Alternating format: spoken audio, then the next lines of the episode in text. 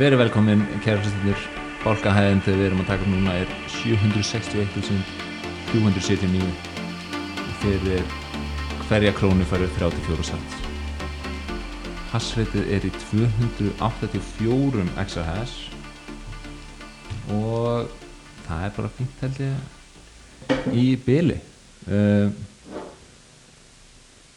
Ég held að við höfum ekkert endilega eitthvað fleira í, í dag komið mjög góðan gest í stúdíóið þitt. Hver er mættur? Mætt. Donna. Donna. Góðan dag Herru, heiður að vera mætt hérna í byltingunni. Já, Takk átt í byltingunni.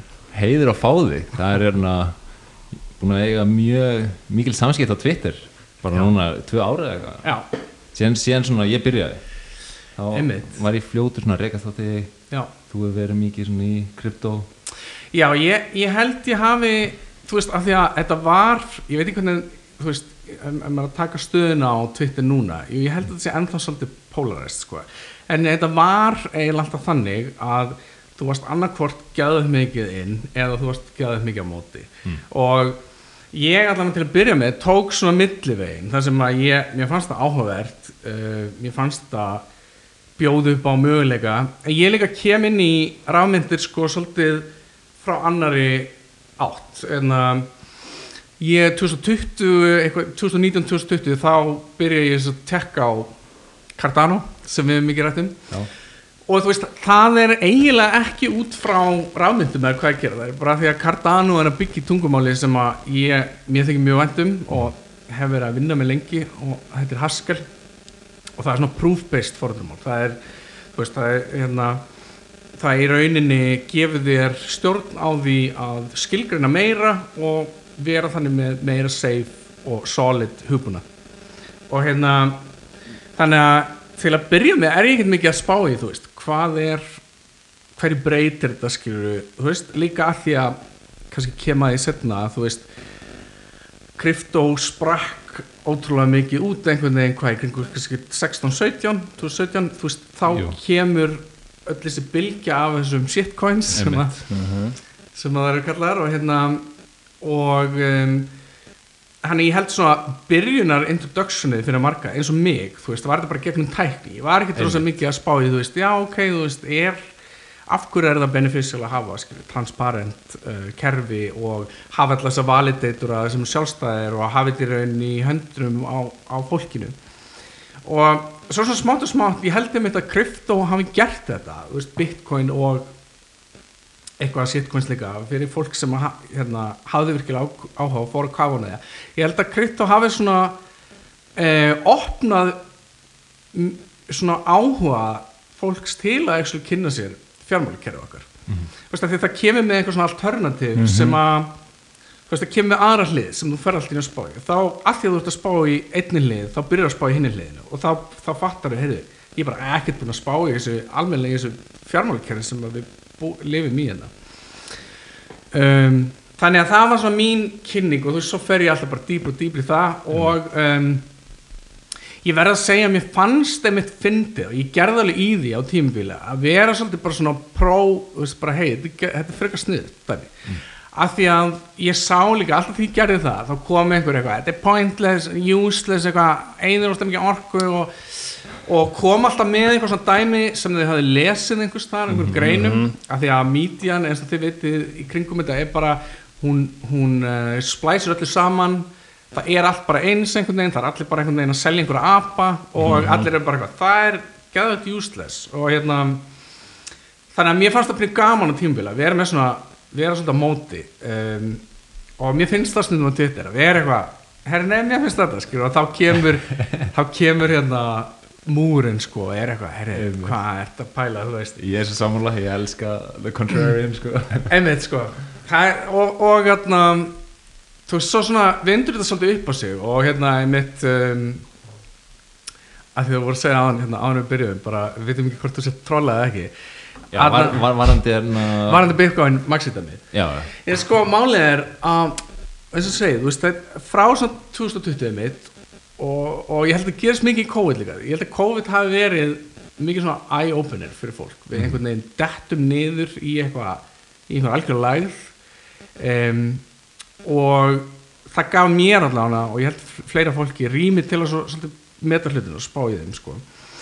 og um, þetta með bitcoin sko, þú veist ég, svona til að byrja með þá basically voru þættindin sem ég finnst mikilvægast í dag þeir voru alveg mikilvægir en þú veist uh, ég held í rauninni því klikkari sem að hlutin í heiminum hafa orðið því meira hef ég orðið að vera um hversu mikilvægir svona kjartin í þú veist, og það er til dæmis þú veist, hérna bitcoin er með eitthvað sem engin önnu myndir með sem er að fólkið á hana þú veist, það er ekkert central authority á baku það, þeir eru alveg með bitcoin er alveg með cheerleaders, þú veist, alveg Michael Saylor og eitthvað svona, en þú veist Michael Saylor hefur engin áhrif frekar en einn annar, einmitt. Akkurat. Og það er svolítið svona þú veist það er svolítið svona punktu finnst mér sem að kjarnaðist meira og meira. Og þá svolítið svona byrja þetta seitlinn það sem þið hafa verið að segja og það sem vikingur hefur til dæmis verið að segja að þú veist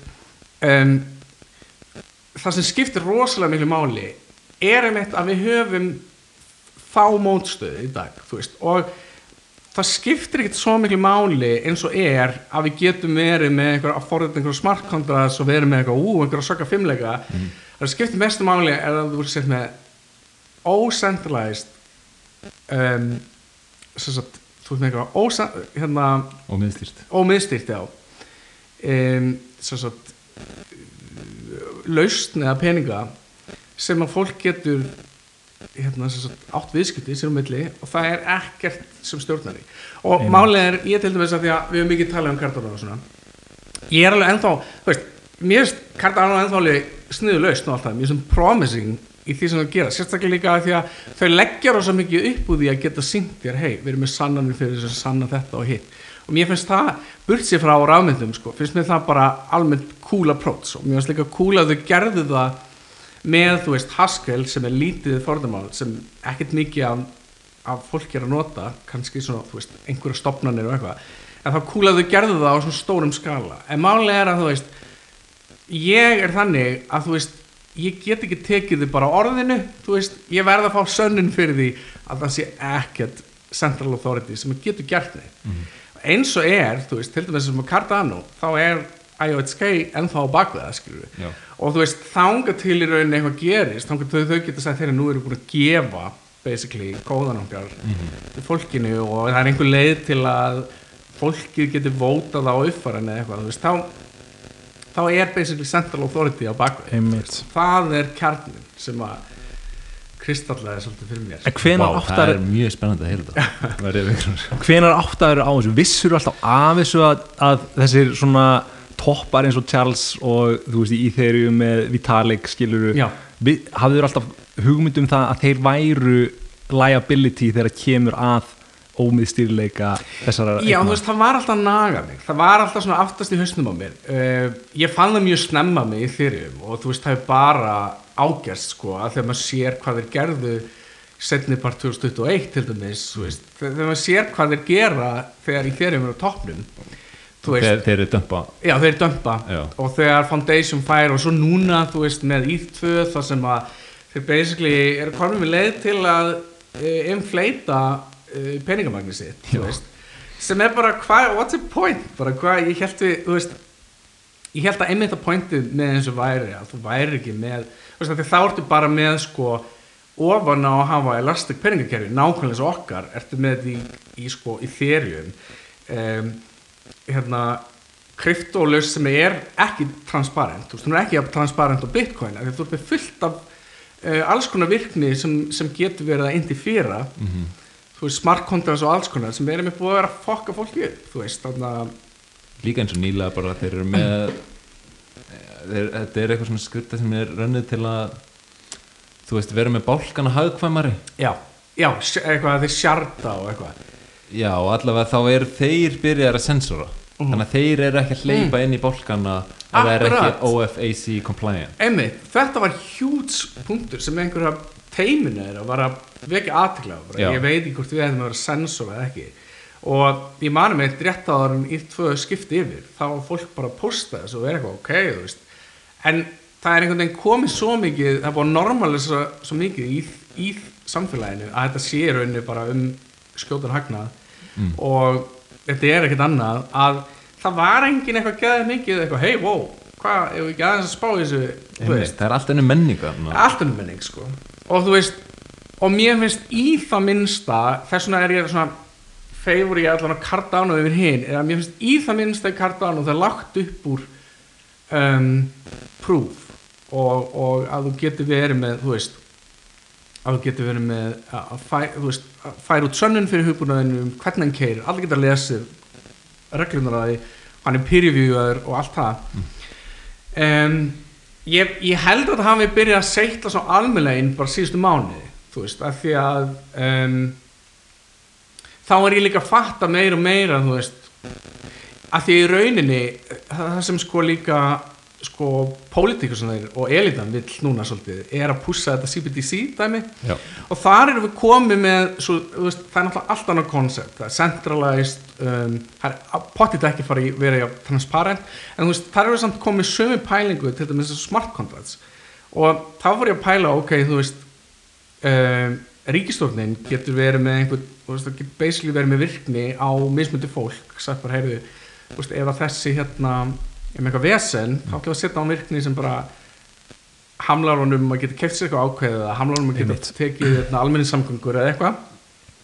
Og þá byrjaði ég að spá líka ok, veist, kannski er smart contracts pínu uh, skamsín hugsun, ég meina, sure þú veist, það er pott að nota hana til góðs, en ég byrjaði að hugsa líka ok, þú veist, en þá vorum við með fullt einhverjum private fyrirtækjum sem eru keira rafmyndir og með smart contract uh, virkni um, sem að er kannski að setja á þig einhver skilirði sem að þú gerir þér ekkert grein fyrir þú veist, fyrir en kannski seint. Þú veist, þú búin að gera einhvern díl og svo fattir að inn í þessum samning er bara eitthvað eitthvað, eitthvað algjör drugl skilirði á mig skilur, það sem ég fer að missa fullt af peningum eða hvernig þannig. Að, að þetta svona kjarnaðist niður í að, að, punktu, að svona aðal punkturum var við þurfum kerfi sem fólkið á og það þarf að geta um, þú veist það, það, þarf að geta efficiently uh, transfera hérna sem sagt, verði á milli. Og það þarf, eng, það þarf að vera þannig að enginn getur hérna fokkaði það er 1, 2 og 3 Einmitt. 1, 2, 3 þetta er svo góður punktur líka með Michael Saylor talar um það sko að þú veist hvað þegar, þegar hann er að veltaði fyrir sig sko áður en hann fjárfesti í eða kefti bitcoin fyrir MicroStrategy þá var, var hann að tala svona upp og segja frá vangaveltum sínum um hvernig hann ætti að festa pening inn í framtíðina. Og þú svona tók dæmum að kaupa bát, tók dæmum að kaupa listaverk, fasteignir og önnur fyrirtæki og, og gull. En svo komst hann að því að eina vitið væri að kaupa bitcoin vegna þess að það er eini, eina eignin sem að ég get verið handvis um að enginn sé að fara að breyta reglunum inn í næstu hundrað árin. Já. og þú veist, ég held að hann hafi mögulega sagt þúsund árin eða, eða eitthvað skilur en þetta er bara, þetta er svo sterkur punktur. Já, þetta er svo sterk já. punktur. Og eins og með fulla nóðinu að þú veist, þú getur kyrt nóðu bara fyr, fyrstu versionið af Bitcoin. Og það er compatible með protokollinu í dag. Já, já, þannig að í Ethereum þá er, þú veist uppfæslega með svolítið þvinga á því. Þú þarft að uppfæra það eða þú ert ekki lengur compatible. Nei, akkurat Og þú veist, það er bara skilurinn fyrir þessum uppfæslum er svo rosalegar eins og bara, þú veist, hvað hvað lætu vera compatible til að steika í þú veist bara vera bara eitthvað eða hvað þú þarf að gera til að vera validator þú þarf bara að eiga ógeðslega mikið penning Já, og, og þau í alvöru þú veist, þetta er með það sem ég finnst svo klikkað í þeirri að, að þau skuli fara ekki með umfæslu og vera bara eitthvað þú veist það gæti verið glitch sem lætur þau bara tapa 30 mýð skilur í, og í þau er ekkert látt í verði skilur, 1500 dólar Einmitt, 32. þetta er bara þú veist, Margar þetta er- Holy. þetta er um 40.000 dólar eða eitthvað, þetta er bara fárlega Mhm. mm. það er alveg magnað þú veist, það, það er, mér finnst það svona dæmi um, um basically hérna, metnaðin sem er í gangi í þú, hversu lélugur hann er Já. eða, þú veist, og þetta er líka svona það komið svona god komplex í, í því að Vitalik er svona eitthvað þú veist, hann er svona guðinanna algjörlega. Og maður er séðan tala um hluti og maður er eitthvað, wow, þetta er skilur. þannig að maður er ofta að hugsa um ok, hann er aðal ákvörðantakan og ég treysta því að bara þú veist, þú veist meðan við það sem hann er að velta upp er hann einhvern veginn vinnaðist hann ekkert oft hugsa allt til enda þú veist, að og í þérum, ég finnst sagan í þérum bara bera þessi merki Þú veist, Algjörlega. hún er bara, þau bara, bara byggja on the fly og svo bara gerist eitthvað og svo bara, heyrðu, þú sendir eitthvað í þerum, eða þú sendir eitthvað um, wire ethereum í eitthvað veski sem stuttaði ekki peningarnir er bara Einmitt.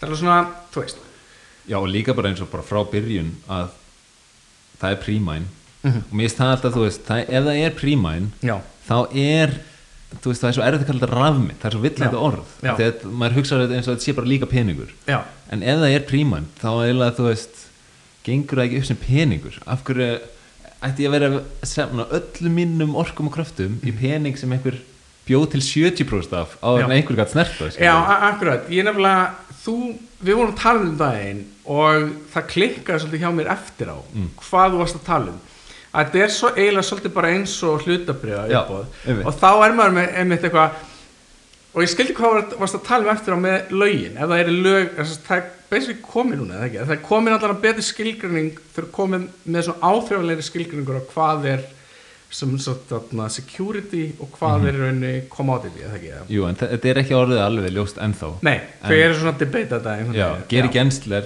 hjá SEC hann er bara harður, bara þú veist Já. Ethereum er security. Ef það, kemst ekki í gegnum testið Hái-testið það hái test, þá er það bara security.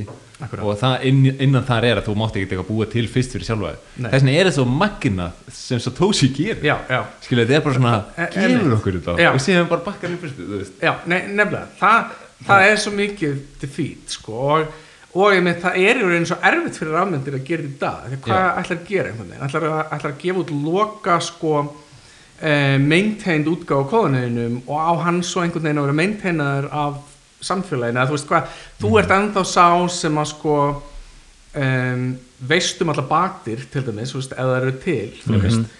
Og um, þannig að einmitt, og þannig að þetta kom svolítið svo heim og saman einmitt það sem við varst að tala um með, með þetta hlutabrjöð uppbóð og þá byrja ég að hugsa, ok, þá er þetta svolítið bara eins og fyrirtæki, þá þarf í rauninni lausnin að vera svolítið eins og, eins og Apple er eitthvað að gefa þér einhverja lausnir, þú veist, og þá er það í rauninni orðið allt annað heldur en fundamental koncepti sem er að þetta á að vera safe og secure og transparent, þú veist, þá ertu miklu meira bara berjast um einhverja fítis og þú veist, jú, jú, það getur vel verið að Einmitt, það það haldi áfram, þú veist, Já. potið það er einhverju, þú veist, eitthvað kryptofyrirtæki og þau eru bara hei, við erum með þetta og þú veist, en það sérmaður sko, metingurinn er þvílíkur og það Já. er bara eitthvað, herru, við erum með smart contract sem getur þetta og bara eitthvað, Já. verulega, og þú veist og það er svona transactions per second bara sko. við getum billion transactions per second og maður bara, en hversu oft er búið að þurfa að restarta keðjun ykkar Já. centrally þetta var. Solana, Solana, ótrúlegt, Solana er bara, gaurin er bara um, ég, veistu, mér finnst hraði bara mikilvægur en öryggi og svo bara sem það er hvað það er að koma í baki á þeim þú veist og það er líka svo mikið feik maður er bara að byrja af hverju getið þið restarta keðjunni, það þýðir basically, hún er central, eða þú veist, þú veist þið náðuð í einhvern hópa validators sem að, þú veist um, pluss að skiptingar er, er geðu þetta ójöfn, þú veist, þetta er bara eitthvað VC segja bara 50% eða eitthvað, þú veist. Og það er, þú veist, þess, þeir þessi VCs eru svo miklar þú veist, þetta eru svo miklir hvað sem er, úlvar eða eitthvað, þeir eru bara úti og þeir eru svona æsing, æsingarmenn þeir eru svona Já. æsa undir að þeir eru au, ausa peningum inn í þessi Einmitt. verkefni Já. Og svona íta undir allan marketing og Já. eitthvað já, svona já, og síðan, þú veist, þeir eru bara að dömpa þessu akkurat þeir eru rauninni bara að spila leikin sem þeir hafa alltaf spilað Já. sem er, þú veist, að þeir shorta fyrirtæki þegar Mhm. þeir vita að þeim er farið að ganga illa og svo búa þeir til áraður til að þeim gangi Mhm. ennþá meira illa uh, eða þeir kaupi fyrirtækjum sem er að fara, vera að fara að taka yfir hæpa þau upp og málega bara með, að sé að ég verið svolítið að ég er með annan Twitter account sem ég er ekkert eitthvað að auðlýsa þannig sem okay. þú veist, mér er alveg samátt fólk hérna að finna með það en ég basically það er meira bara svona til að observa eiginlega bara inn í krypto þannig að ég fylgist með og ég, ég var líka að nota mikið á tímbila því að um, ég get komið inn í það líka meira. Mér fannst, þú veist, listasennan uh, áhugaverð tímabilið, þú veist, lausnindar í kringu það er mm, ekkert eitthvað svo áhugaverð þú veist, en það sem kom, senan sem kom var, var svolítið áhugaverð. En, en bara, já, meina sem var verið að gera já, algjörlega. Mýmin eða NFTs eða bara allt. E- e- NFTs og í rauninni sko um, lausnindar sem komu út frá því. Eins og það er ein lausn sem ég hef skeðið kúl sem að heit, heitir FX Hass og er á Tesos keðri. Um, og það virkar þannig að um, þú ert með generative listaverk. Þú getur svo að þú býr til ákveðið bats af listaverkum segjum kannski þú ætla að gera 100 verk. Mhm. og svo að því að FX Hass síðan gefur þér í rauninni skriftu sem er alltaf að gefa þér random gildi og í hver skipti sem að listaverka myndað þá færðu random gildi og þú getur notað þetta random gildi til að segja til dæmis ok ef random gildið er fyrir neðan 0,2 þá ætla ég að hafa heiminin bláan hérna, eða þú veist, eitthvað. Og fólk er búin að not, gera þetta meir og meir einhvern veginn komplex, þannig að þú ert með mér finnst það, mér finnst það gott koncept af því að svona svona hugsa maður oft list, eða þú veist, að hérna sem sagt, eins og ef maður fyrir á listasýningu þá er eitthvað svona koncept í gangi, það er eitthvað svona um, eitthvað svona rigningin, eða eitthvað, það var einhver listamæður sem var að pæli í ákveðnu konsepti sem kannski rigning og hann er að gera myndir út frá því. Og mér finnst það með svo stert að hérna, ég hugsa að lista, margir listamenn séu sammála þessu, allan að því ég verið að gera list þá er ég ekkert eitthvað gæðið mikið að spá eitthvað, heyrðu, þessi lína verður að vera nákvæmlega þarna, þú veist, það er meira bara svona þetta er kontekstið, þetta er efniviðurinn sem ég ætla að nota og svo bara, þú veist hann má raða svolítið frjálst en þú veist, ég vil samt hafa einhverja stjórn á því. Þú veist, ég vil hafa eitthvað pattern. Og mér fannst það mjög cool dæmi. Og þú veist mér fannst líka, það var mikið NFT bakla sko, sérstaklega því að Ethereum var svona king af NFT og þetta apadæmi sem er náttúrulega pínu stúpid uh, allir se, a, a, fullt að auðvitað þetta, þetta virkaði úslega bara svona út af við virkar það bara sjúklega dæmi en þú veist, það sem ég var að sjá samt líka var bara listamenn sem voru komað inn sem voru að segja, þú veist, ég þú veist, var, var ekki að selja neitt ég sel ekkert á digital print en þú veist, hérna er ég bara að lifa á þessu skilur um, ég er að fylgja stelpu sem að, á heimi í, í Vietnam Mm. þess að þegar COVID kom þá uh, hætti hún að geta unnið og hún hætti að geta að fara í skóla hún var að vinna og í skóla og eitthvað svona og hún þurfti bara að vera heima eins og allir aðrir. Og uh, bróðurinnar er eitthvað svona fordunarnöndi og byrjaði að kynna henni fyrir uh, Cardano-markaðinum. Og hún er bara með bara mjög góða veldu en það er hún mjög góði listamæður um, og hérna þú veist það, mér fannst það svona, mér fannst gott að sjá svona, í, svona smá jákvæðlega þátt fyrir að ég vissi náttúrulega þú veist, og ég held að allir listamenn sem fara inn í þetta ætti að hafa í huga þú veist, þetta er ekki endilega sustainable og það eru svolítið aðri parametrar sem ganga þarna en þú veist, mér fannst cool að sjá þessa senu myndast Mhm. og hvernig hún sprakk út sko. og hérna líka bara því að mér finnst almennt cool þegar listamenn fara að fá peninga á einhvern nátt þú veist, hérna, af því að það er svo erfitt og það er svo backwards þetta kerfi sem við liðum það er bara, ég mynd, listamenn nú eiga, að hafa kost á því að þeir geta að nota hvaða miðil sem er að það, sko, við erum náttúrulega algjör maksari hérna og eitthvað svona, að bara bitcoin og eitthvað svona, en þú veist, þegar kemur að, að listsköpun þá, þá er einhvern veginn allt, allt leifilegt já, og það er alveg hægt að fara inn á hvaða mynd sem er og búa til NFT og, og þetta. En þú veist það, það þarf að aðskilja bara í mínum huga bara svona hvað er hver er sköpunin, sérstaklega listsköpun. Já, og svo þú veist er þetta peningur, er þetta einhvers virði eða, ek, eða ekki já, tengt þessari rafmynd sérstöku? Já, já, akkurat. Þannig að Ég, ég er alveg sammála og mér finnst með þess að eftir að fara svolítið inn í NFT og kynnt mér það og hvernig útvarslan að því er ég meina, mér finnst ennþá útvarslan að því ekkert eitthvað great, skilur, og þú veist mér finnst útvarslan að því í rauninni ekki segja mér að þetta sé langva, þú veist þetta, mér finnst það ekki langvarandi sko gemsla á listaverki. Og, og þú veist, það bættist aðeins að batnaði aðeins að því að þú veist, fyrst var fólk bara eitthvað að game þetta á einhverjum serverum hjá hérna OpenSea og eitthvað, maður var bara eitthvað ok, þú veist, eins og það er eyða- sem- eyða því bara, Já, bara- þeir geta bara, þú veist, gert hvað sem er, þeir geta hægt eftir fimm ár, Já. whatever. Það batnaði aðeins að fólk fór að nota, sko, hvað heitir það, en að það er sagt svona peer-to-peer uh, network, það er svona getur upplöta fælum og það er minni líkur á hann, hann sem sagt hægt að virka í framtíðin, af því að basically það er svolítið eins og torrent. Já, og Fyrir um, milli. já, fyrir á milli og fólk er að, að dreifa því svona fractionally á milli. Napster. Napster basically. Basically Napster, algjörlega. Og hérna EMF eitthvað.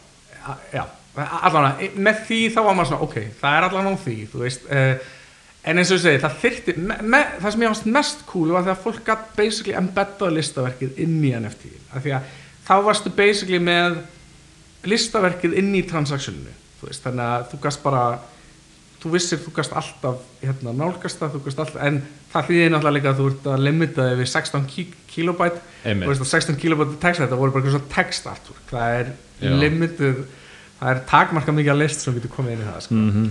eins og ég sá þetta, þá var þetta bara svona þá var þetta einhvern veginn annan narrativ til þess að halda áfram að pumpa í Ethereum og aðra bólkakjör, þú veist 2017, þá var meira narrativ í kringum hana, ICOs þá var það bara, e, það voru ICOs á hverju hornis Já, og já. þú veist, hugmyndina er alveg svona, já, þú veist að maður sleppir við þú veist einhverja millilið þegar maður er fjárfesta í fyrirtækjum eða eitthvað en þú, þú veist þú ert líka hættu að sleppa við þú veist, bara einhvern ákveðin lagaramma skilur og Já, það er auðvitað að svíkja þig Já.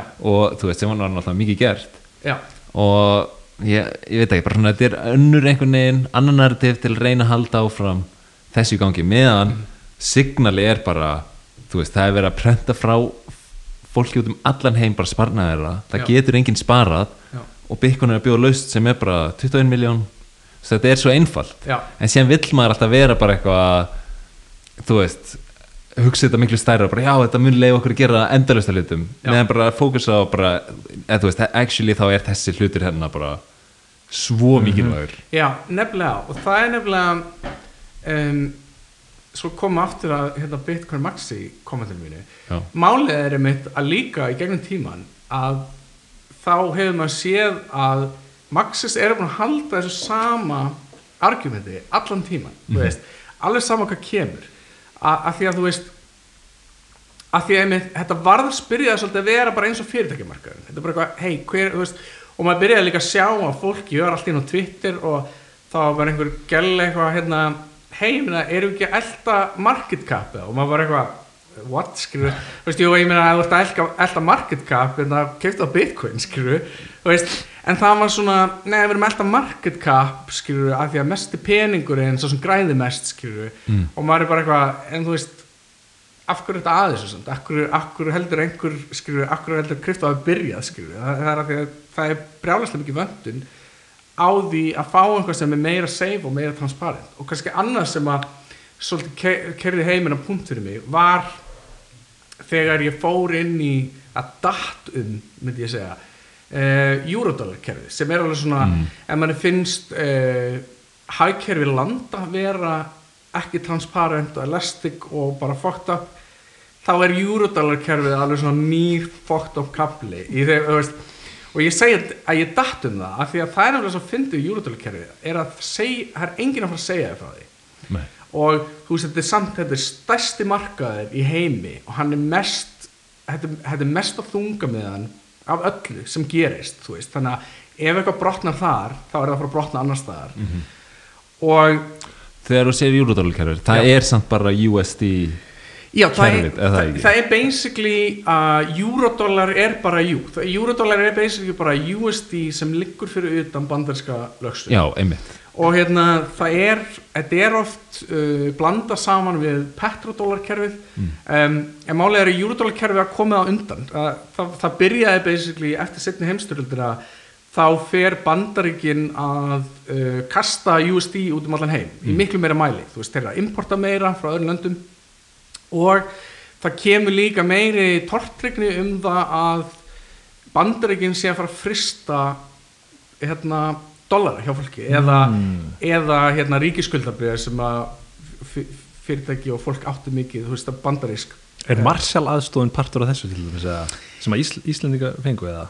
í spýtunum við Eftir setni já, heimsturöldina þá bara Jú, jú, jú, akkurat, Ég þekki nú ekki söguna 100% Jú, en jú. það er allt talað um að það, þessi Marshall aðstof peningar sem komu frá bandaríska ríkinu til þess að byggja upp innviði á Íslandi. Jú, akkurat. Þetta var svona, þú veist uh, bandaríkjum voru alltaf sigurvegarar í stríðinu og þeir voru að leggja línutna fyrir það uh, basically um, til að, til að gera sig um, að, að þungamiðunni í heiminum þú veist, að hérna þú veist um, þeir, þeir gera það með, þeir eru það náttúrulega með gull á tímbilið, þú Mhm. kannst alltaf konverta gulli yfir í dollara. Mm og hérna og öfugt. Og, og svo sko uh, hætta þeir á gullstandardinum. Já. og þá það sem gerist er að þeir vilja samt halda áfram að vera þeir vilja festa sig í sessi áfram sem alheimskjaldmiðlin um, og þannig að þar kemur til dæmis þessi petrodólar þar sem þeir fara til Sáti Arbíu 74 eða eitthvað. Einmitt. eh, by, by, byrjun á, á 70 hérna, og segja bara við Sáti Arbíu við skulum eh, venda ykkur ef að öll viðskipti á olíun ykkar fara fram í dólarum. Og, og það er, veist, það er ekki bara það náttúrulega bara var búið að byggja svolítið upp. En það basically petrodólar og eurodólar kerfið þau leggja svolítið uh, grunninn að því að núna er allt í henni hægt að eiga skipti með gjaldmiðil sem er safe. Veist, hún er safe af því að það er svo margir sem nota hana. Hún er svo, hún er svo þú veist, óljan er að nota hana. Um, þú veist, bandaríkin hérna eftir setni heimstyrjöld sérstaklega, þú veist, þau eru promising og upcoming þú veist, þau, það, er bara, það er bara alltaf þau eru svona stærst og mest og, og hérna, fólk bara treysti á þetta af því að þú veist, þetta var mikið nota um, og þannig að um, þannig að já, þannig að þú veist og sko bandaringin fannst bara fínt að júradólarkerfi sem byrjar eiginlega sem bara svona það er einhver banki í bandaringum að tala með einhver banki í Európu þeim fannst bara fínt að svona, svolítið hitin væri tekin af þeim skilur að sérstaklega hérna eftir að þeir fella gullstæðil um það að það sé eitthvað kerfi sem er beislega manast á dollarum í utan bandaríkjum sem að þeir þurfi, þurfa eiginlega ekki að hafa stjórn á eða þurfa ekki að, þurfa ekki að hafa ágjör á Það er bara gefið að ólíja verði neitt Já, já, og olja verður seld uh, þetta er líka þannig kerfið, þú veist, júrudalkerfið eru bankar mikið til að byrja með og þú veist, fyrir utan lögsuðubjöna þannig að það er, engin, það er eiginlega engin lög á þessu sem er svo steikt að það að hugsa um hvernig þetta byrjaði en málið er að þetta var svo lítið samfélag til að byrja með að þú varst ekki að fara að fokka hennum upp af því að ef þú fokkar hennum upp þá þýttir bara næsta dag fjöxst þú ekki lán sem ótrúlega, þú veist og júrodólarkerfið byggir óslega mikið á þetta bankar uh, á móti banka að fá lán uh, upp á einn dag til dæmis Einmitt. til viku og vandamálin koma fram eins og til dæmis í síðasta fjármálunni Já. vandamálið var virkilega að á þessum júrodólamarkaði var verið að nota uh, subprime mortgage, þessi lán þessi húsnæðislán sem voru svona léleg sem collateral, sem veð til að fá lán. Mhm. og það var að því að húsnæðismarkaðurinn var byrjaðar að hrinja og banka voru byrjaðar að horfa á þessi lán og segja, heyrðu, þetta er kannski ekki eitthvað. Þú veist að því að, að því að subprime lán, þau voru svo gott veð að fólk var að taka þau fram yfir ríkiskuldabrif þú veist, sem er náttúrulega bara svona the top of the tops. Ef þú ert að fá lán veist, og læti frá ríkiskuldabrif það er bara botið, það er, þú fær lán þú veist, hérna gegn því veði. Um, og þess vegna var þetta svona global og þess vegna var þetta svona widespread og uh, og það er svona skeri að læra um þetta því þá læri maður líka að þú veist, ok, jú, jú hérna fjármálakerfi að tekið í gegn eitthvað hannig uh, það var samt ekki tekið í gegn. Veist, það sem, það sem var gert var að það var sett reserve kröfu á banka. Um, ég held í bandaríkjunum sé að 6% sem þeir verða að hafa af þú veist sem er alltaf að fá eða þú veist, 6% 6% einmitt, hvað það gera að- að- þannig að þú feilar en þú hefur aðeins meiri tíma þannig að þú feilar. En þannig að það er, þú veist, þú þarft að halda á 6% já, og þú hal- getur lánað restin út. Þannig að 8 Já. miljón þá getur uh, lánað út hérna 940.000 Mhm, Já. mhm. já, nákvæmlega Já, það er basic að bak við fractional og, og sko um, skerju við júrdólakerfi líka er að það er Nefnir, þú getur lánað meira. Já, getur, eða þú getur lánað basically á heldur á halda 6% þá máttu lána 94% Já, já, já, já. og um, satt um, og þú veist bandaríkjum er 6% ég held í Kína sé að 10% þú veist, við, það, það er mjög víða 10% ég held að sé, Mm ég held að sé 10% á Íslandi. Ég, ég veit það samt ekki alveg. Mhm. um, það var sett á en þú veist sama vandamáli til staðar. Ef það kemur upp vantraust í þessu kerfi ef það kemur upp erfi staða eins og er núna, mjög erfið staða það er hérna Sælabanki bandaríkinu búin að hækka stýruvexti sem þýðir að öll USD skuld hækkar náttúrulega, eða þú veist, eða þú ert með lán í USD og USD hækkar nú þarf allir að fara að tipin meira af evrunuðinum eða af hérna, jeninuðinu eða hvað sem er. Og það sem gerist líka er að þegar það gerist þá verða dílerar á þessu markaði þeir verða miklu varkandi. Þú veist, þeir, þeir byrja að segja ok, hérna, þessi hérna er svolítið riski þannig ég ætla bara að lána bankunum minn sem ég veit er í toppstandi, stóra bankunum. Þannig að peningamagn enda með að fljóta í stóru fjármálastofnunir sem geta svo snúið sér við og lána minni fjármálastofnunum fyrir hærra verð mm veist, þannig að verðið hækkar og hækkar.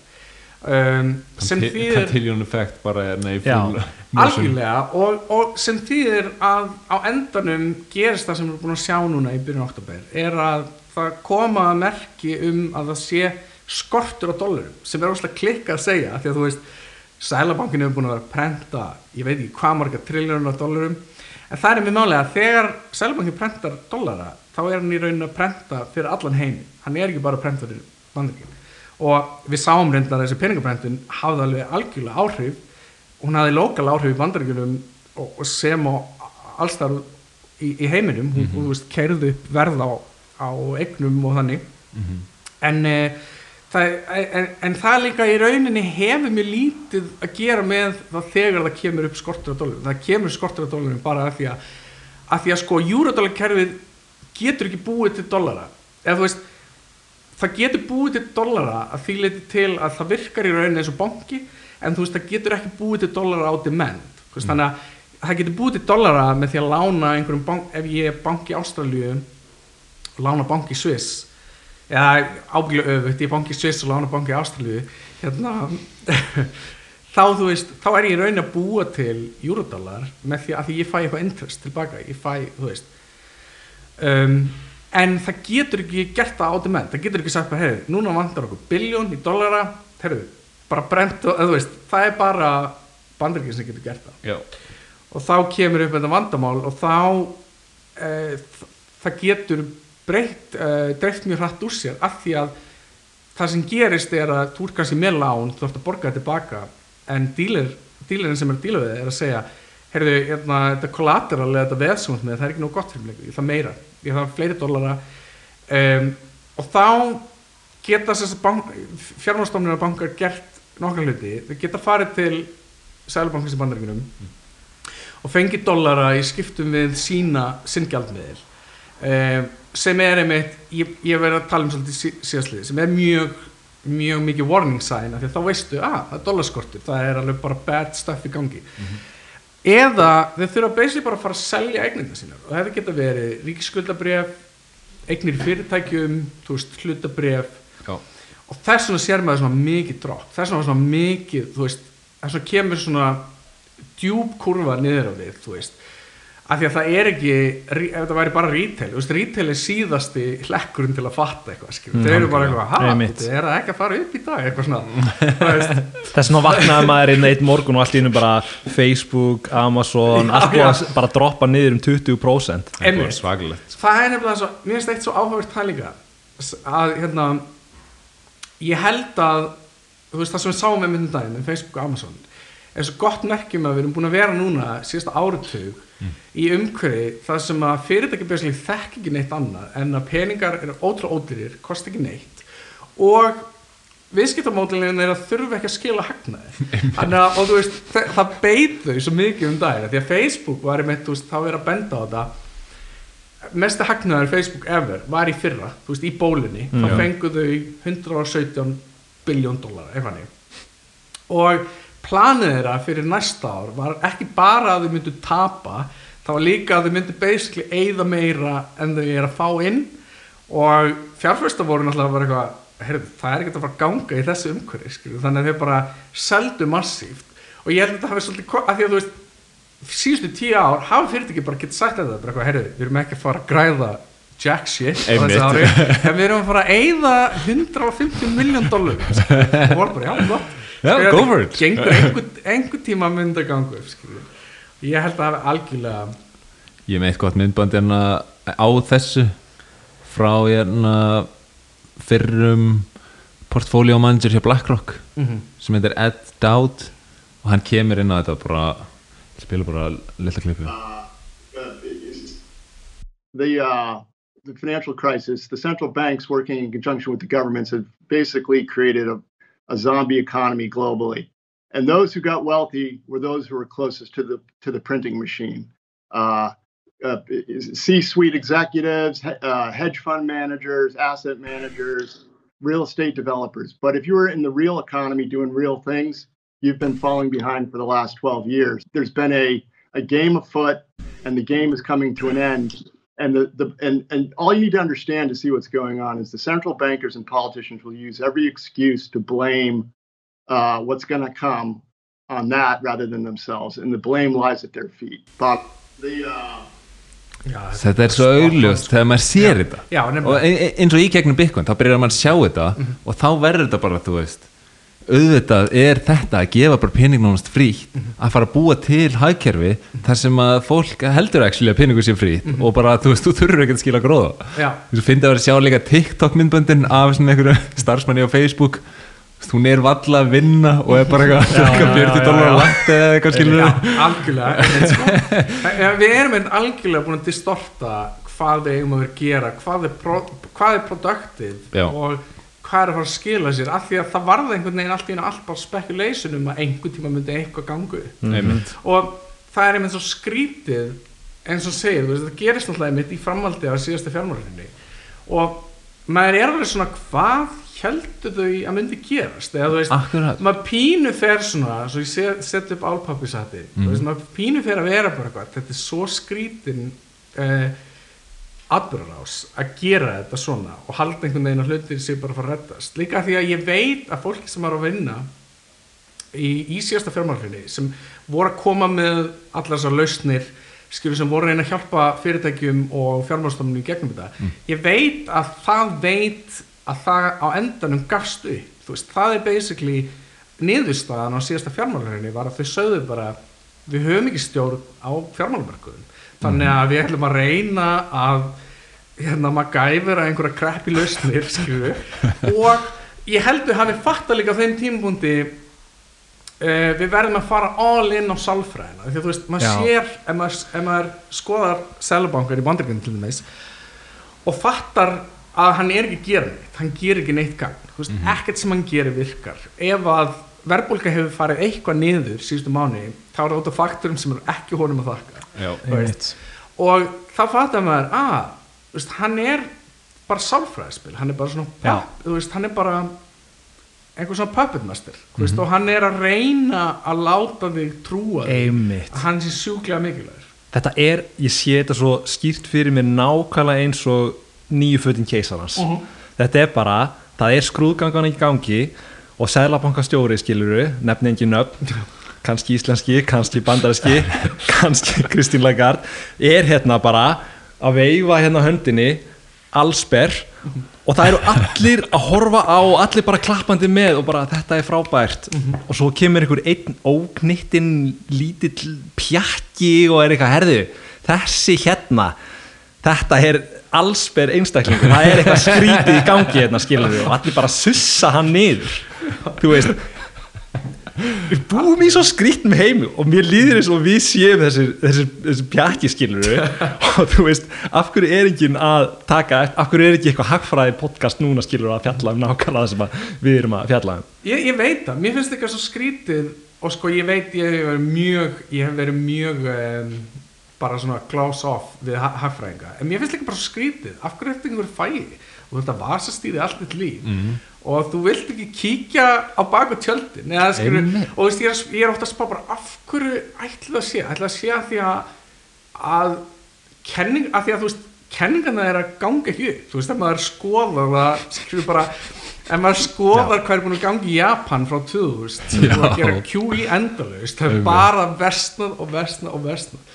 Og þú veist svo er eitthvað svona að sjá hagfræðingar núna þú veist, það er búið að segja þeim þetta í tvö ár núna er þeir bara, herri það var peningabrendunni það var Já. peningabrendun sem kom í baki og maður bara auðvitað, þú getur sett, lagt saman 2 plus 2 þá getur þú séð það, en ég heldur með þessi sálfræðafaktur er svo sterkur Já. og líka sko, ég fattaði eitt til dæmis. Þegar ég svona fattaði virkilega hvað var í gangi til dæmis með, með eins og Eurodollar kerfið að ég fattaði að til að ég komst að því það þurfti alveg svolítið langan aðdraðanda ég þurfti að vera búin að fara í gegnum fullt af konseptum.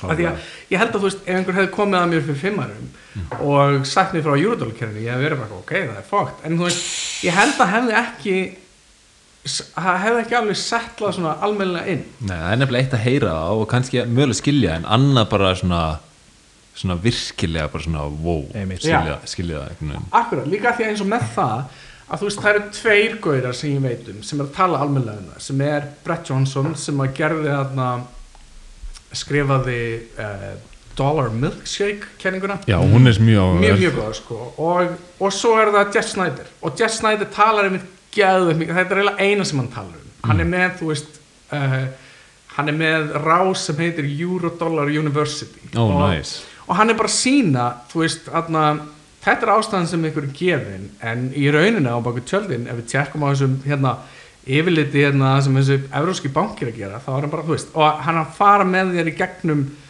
veist þetta er narratífið sem er gefið en þetta er í rauninu að gangi, í gangi á baku tjöldin. Ok, Og einmitt nice. Jeff Snyder er Já, Jeff Snyder, Eurodollar University mjög gott. Og eitt sem hann var einmitt að sína var að uh, hann var að segja þú veist, að þetta QI ráð að það er alltaf þetta þú, þú sko um, sagt, ef þú ert til dæmis Japan eða Kína og um, gjaldmiðliðin er að lækka þá er alltaf talað um þetta ráð að já, veist, þau þurfa að selja hérna reservin sín, þau þurfa að selja bandarísku ríkiskuldabriðin sín að þá geta proppað upp um, þú veist, gjaldmiðlið sín og svo síndum bara á grafi ups, dagstendingarna sem þau seldu og svo hvað gjaldmiðlinn gerði eftir það og hann fór aldrei upp, hann fór að held alltaf bara áfram að fara niður Einmitt. að því hann segir bara það virkar ekki, því það er ekki raunverulega það sem ákvarðar verði, það sem ákvarðar verði þitt núna er að þú ert alltaf, hann er alltaf að tapa virði versus dollaran af því að núna er svo ógslæmgi vöndun á dollara Já. Að Þetta var góð kenning, ég mani var heyrana mikið bara svona í byrjun COVID, Dollar Milk, Milkshake Theory.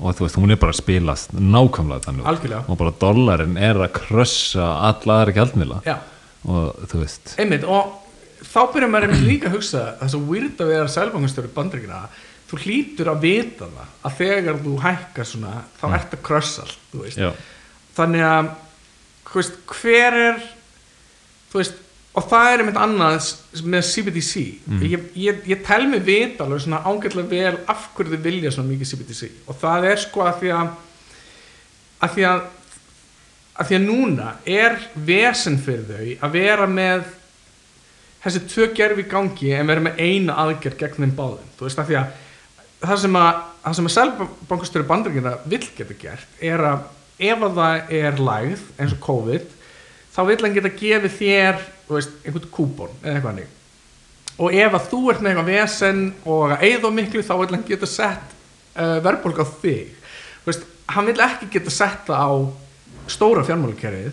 Uh, það er bara óhjákvæmileg afleðing þess að það sem hann gerir dreifir út frá sér. Veist, þannig að CBDC á bara eftir að vera transparent á þig fyrir þau veist, þannig að þau getur targetað þig en þú veist það er enginn að fara að segja mér að þau sé að fara að gera það við, þú veist, fjármálakerfi heldur bara áfram að rúla og hérna af því að þú veist, af því að þá geta þau um, targetaði miklu meira líka og þá getur þau fyrirbyggt. Þú veist, þau getur til dæmis bara, heyrðu allt í henni núna bara rönn á húsnæðismarkaðinum. Við sem bara stoppa það. Við bara stoppum við bara, allt í henni getur fólk ekki selt húsið við. Þú veist, það er farfest og hljómar og slá dystopist en ég meina að þú komið þessi tól það er, það er ekkert limit á því hvað þú getur og við erum að sjá bara núna í Kína hver byrjun er að þessu. Mhm. og þeir eru bara, þú veist, stjórnin sem þeir eru komni með, með sínukerfi þó þeir séu held ég ekki komni með almennlega svona CBDC, að þá er bara veist, það sem eru að geta gert er frekar skýri, sko, Já, mjög sko. Og þetta stefnir allt í þetta, veist, þetta eru bara þessi tveir heimar, það er annarkvort bara CBDC slavery system, þar sem að þú átt bara ekki eiga neitt og vera hafíkisamur eða Bitcoin, sem er meira bara svona frjálsheimur þú veist, fólkið á peningin enginn getur prenta þar meðal þú. Mhm. og Já, akkurat. Og þú veist, maður er einmitt núna svona ég held einmitt, þú veist maður sér að það er eitthvað slæmt í aðsegi Mm. en, en maður er svona maður veit ekki alveg hvernig það mun spilast út. Af því að við, við erum á svo unprecedented tími þú veist, málið er, við hefum gengið gegnum fullt af svona hérna ringjum áður, þú veist, þetta basically þetta er kolbreytt af því sem gerist um, í bólum og svo Mhm. kreppu. En það sem við erum ekki með leiðbyrningar að í rauninni er að við höfum aldrei verið svona skuldsett. Um, og þú veist og líka við, þú veist, það er líka lit út frá sér pólitíkst, þú veist, við erum núna komið svo ótrúlega mikinn um, mikla miðskiptingu auðs. Mhm. Og út frá því kemur populismi þú veist, og þú veist, ef við tökum söguna, maður séð í þessum aðstæðum það sem gerist til dæmis það sem gerist á Þýskalandi þú veist um, fyrir sefni heimstyrildina var nákvæmlega þetta þú veist, þau prentuðu sig til glötunar út frá því kemur Hitler þú veist, Já. þetta er svona þannig að allt, mjög, allt mjög predictable já, sko. allt, allt mjög Ertu búin að lesa þennan bókina when, when Money Dies? nei, Hún er geggi og það er bara svona first hand account af því sem var að gerast þannig á millistriðsárunum í Þískalandi Mhm. og þegar bara massíða verðbólgan í gangi og þetta er bara eins og að lesa um dagana í dag Já. það er bara basically það sama sko. Já, þetta er crazy sko.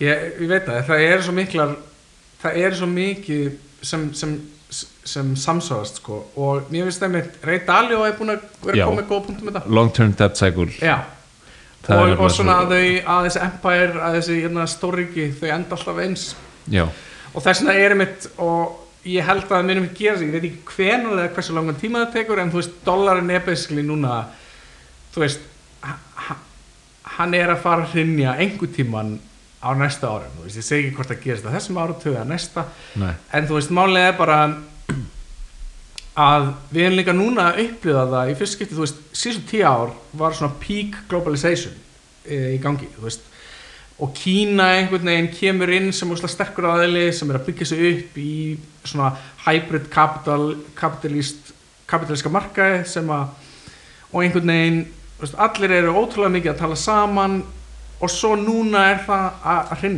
af því að líka eitt sem að er svo merkilegt við veist, COVID er að expósa svo mikið fyrir okkur sko. Mhm. og í, í, COVID og svo kemur stríðið og það er eitt sem gerist þegar það stríðskellir á sem er að þá fara Evrópa og Bandaríkin að kúka upp einhver sanctions og Bandaríkin alltaf bara frista gæðið mikið að eignum.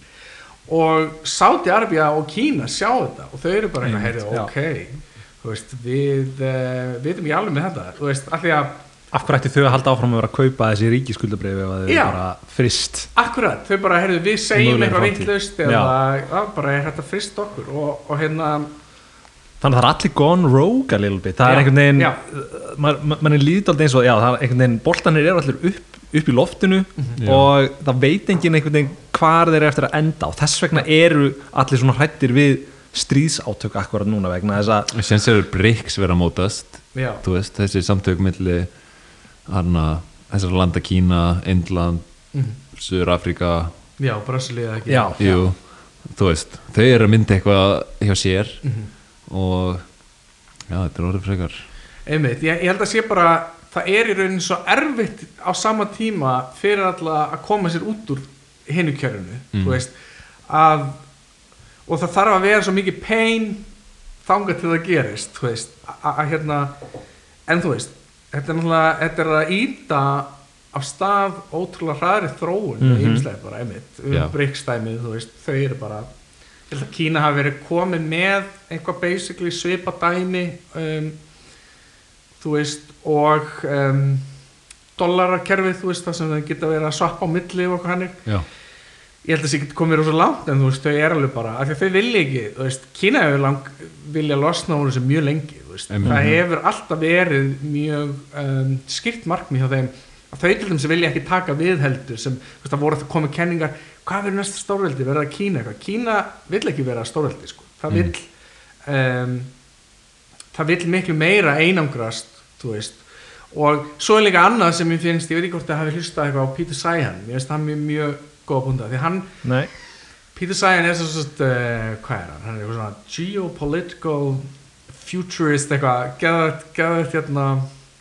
Hann er, svo, hann er svona geopolitical analyst uh, tekur þjóðir og analysar upplýsingar um þær og hann kemur með punta sem að ekkert, mér finnst ekkert margir verið að horfa sem til dæmis að segja bara um, demografían hjá Kína til dæmis er hræðileg Já, hún einmitt. er bara Já. þú veist, þau fóru all in í þetta one child policy Einmitt. og þau hugsuðu ekki alveg ekki alveg Nei, ekki alveg til enda, og svo reyndu þær í vörta og þá vill enginn eigna spöllingu Einmitt. Nei. Þannig að, og þjóðin verður bara eldri og eldri Já. og, og yngri kynnslóðin getur ekki þetta er bara svona, ef þú ætlar að stjórna miljórn manns og segja bara allir bara eignast eitt barn já, það er bara ekki að fara að gangu Nei, nefnilega, Þú þetta- þú þyrftir að vera geðuð carefully að monitor, monitora alltaf. Ég Og bara að hversu mikið þú þarft að monitora skilur þetta er svo veist, þetta er svo mikið að breytum að þú veist halda að þú getur bara verið bara já, hérna þetta Já. og þá bara einhvern veginn. Já, algjörlega, líka því að það er ekkert svo auðvelt að svo snúa mið og segja, herri, fara að eignast svo mikið börn, þú veist, hún er bara komið alltaf aðstæð, þú veist, fólk er að fara fólk í Kína sérstaklega um, fór, fór að flytja í hrönnum í borginnar og þú veist, þau komin í borginnar það átti ekki jafn mörg börn þú veist, þau einmitt. einna eins og segir, uh, when you move to the city children become a very expensive piece of furniture. Og það bara eignast þetta börnum og Nei, hann, það, hann, var að benda það með Kína og einmitt með Rússland líka. Mér finnst ótrúlega merkileg punktur þar sem hann var að tala með Rússland og af hverju þið fóru í þetta stríð. Já. að um, það voru allir eitthvað já, af NATO, af NATO ég meina, jújú, ge- getur mjög vel verið að þetta NATO expansion hafi svona hvað þau meira til þess. En hann var að segja, þú veist, þau er að gera þetta núna af því að rúsneska þjóðin er að deyja út og með því að gera þetta þá gefur það þeim meira meiri viðskiptækifæri uh, gefur efnahæginu þeirra meira að hérna chance Mm. og gefur þeim meira tækifæri að verja sig af því að núna eru þau basically eitt risastórt með fullt af um, yngungum með fullt af, fullt af stöðum sem getur ráðast inn á einmitt og hann, mér fannst það að þú veist þannig Ég að verið að það heyra að eins og líka. líka sko. eins og í Kína að þetta sé, ástandið sé aðeins þau eru náttúrulega ekki búin að gefa út hérna, GDP-tölur eða neitt í nokkur kortur? Jú, það, þau, þau senkuðu allan að síðasta Já, um, og svo gáðu þau það út á endanum Mm. en uh, flesti vilja meina að það hefði verið það slæmt til að byrja með að þau þurftu bara lengri tíma til að fykta í því sko, Já, til að láta það líta þess betur út og það er bara þeim mjög líkt Mhm. og að þú veist eins og COVID ástandi í Kína er mikið til komið af því að þú veist það er bara allt í fokki núna þar Já. bara hagkerfið, þeir eru bara búin að vera að keira þetta áfram á skuldum og, og með proppa upp hagkerfið sitt Mhm. og núna er bara komin endastöð og þeir þurfa vel að bara svona að enginn gerir neitt Já. er það bara eiginlega að stoppa hagkerfið sko. Já, já, akkurat og þú veist staðan er svo slæm núna að þeir, ég, allar, ég veit ekki hversu um, officiallega staðfest er en það var einhvað verið að tala um að Kína var að spá í að sagt, afnema zero covid pólisina sem er alltaf hjút stæmi fyrir þau að gera af því að þú veist, ef þau myndu afnema hana þá eru þau basically að segja allt sem við gert síðustu, síðasta ár er pointless um, skiptir einhver máli, þetta var gæðið mikið svona blowback fyrir kom, kommunistaflokkin og um, ég held að það hafa alveg efni á að þeir byrjast komast upp með hvað sem er sko. já, já, já, þú veist, einmitt svo, svo þeir bara gera þangal þeir gera ekki. En þetta var Já. svipað með Sovjetríkin þeir voru litu mjög vel út Mhm. þú veist, bara þangað til á síðasta Já, dag. reyndar, það alveg og það var bara Já. Já. það var, sást bara hvað þetta var allt komið í köku. Ég held að sé smá svipað með Kína sko. Já, algjörlega, og þú veist, við líka fáum svo takmarkað upplýsingum og það er svo mikilvægt. Þú veist, við erum að tala um að það eru fyrirtæki uh, listuð í bandaríkjunum sem að ég veit ekki hvort það séu þar ennþá. En þú veist, það er að tala um að það er ekki staðfest tölurna sem þau eru að gefa út, veist, það er ekki audita það er enginn sem kemur inn og segir, já, við erum í, í Kína, Já, já, einmitt. Þú veist þannig að og svo, svo tekur það á, á sko á skala og skalar út á heilt land með allt sem þau gera þú veist. hann er að og þú veist það er nákvæmlega sama með þetta, þetta húsnæðismarka húsnæðismarka þeirra sem að þú veist lag svo bara út á endanum ég meina það lag ekki út fyrir neitt stærsta byggingafyrirtæki er að þú veist var hérna með skuld upp og borga 300 biljón dólar og það var hérna, við getum ekki borgað basically neitt að því skilur, og það var maður bara, ok, wow, byrju, hvað er bara að vera í gangi hérna? Já, einmitt. Og einmitt, ég held að þetta um, að keira skuld með delusional einræðisherra sem Mhm. að er ekki búin að gera neitt annað en að bara einangur sem meira og meira já, Þú veist, sem skýtur þig að þú gefur um slæma mitt það er bara þetta er bara þetta er að fara að enda mjög illa sko. Já. og, já, og við erum náttúrulega við erum náttúrulega búin að taka Kína svo mikið Kína er 25% af export í heiminum Einmitt. þannig að við erum að horfa fram á einhvern veginn einmitt allt annað landslag sko.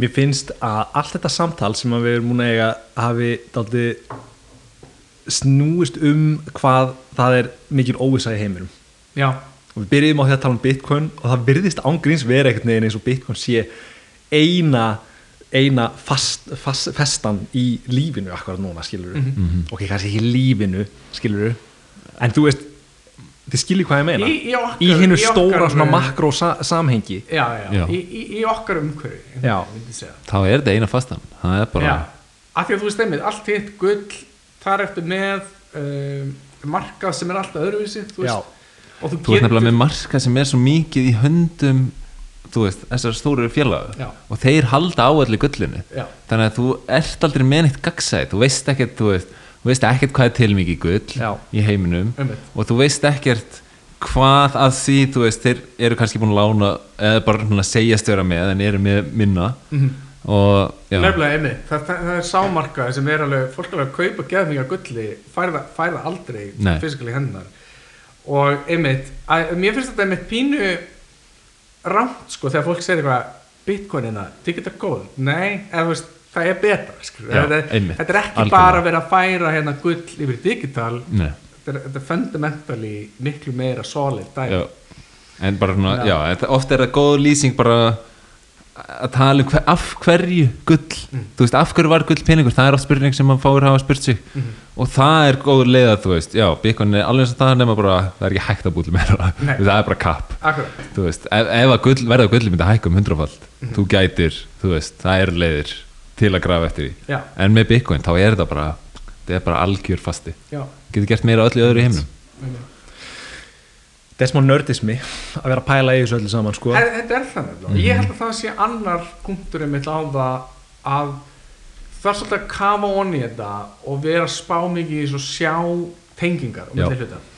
Og ég held að því að við erum búin að búa svo lengi við skuld og að því að fólki finnst það svo eðlilegt þá finnst það í rauninni að því að það er búið að vera fít á það narrativ sem er í rauninni óskilulegt að því að það meikar ekki sens og það gengur ekki upp þá finnst þið peningar bara óskillegir og þið finnst Já. leiðilegt að tala um það. Sem er sinn sem er algjör sinn. Og ég heyrði þetta líka eins og þú veist, mín fór í háskólan lærði aðeins hagfræði og hún bara meikar ekki hagfræði, henni finnst það svo leðilegt og óskiljanlegt. Og núna er ég bara, vá, það er ekki skrítið að þér fannst þetta óskiljanlegt. Að því það eru það, skilur Já, ef þú skilur einhverja Keynesian hagfræði, þá ertu bara skilur Algjörlega. þetta er óskiljanlegt dæmi, sko.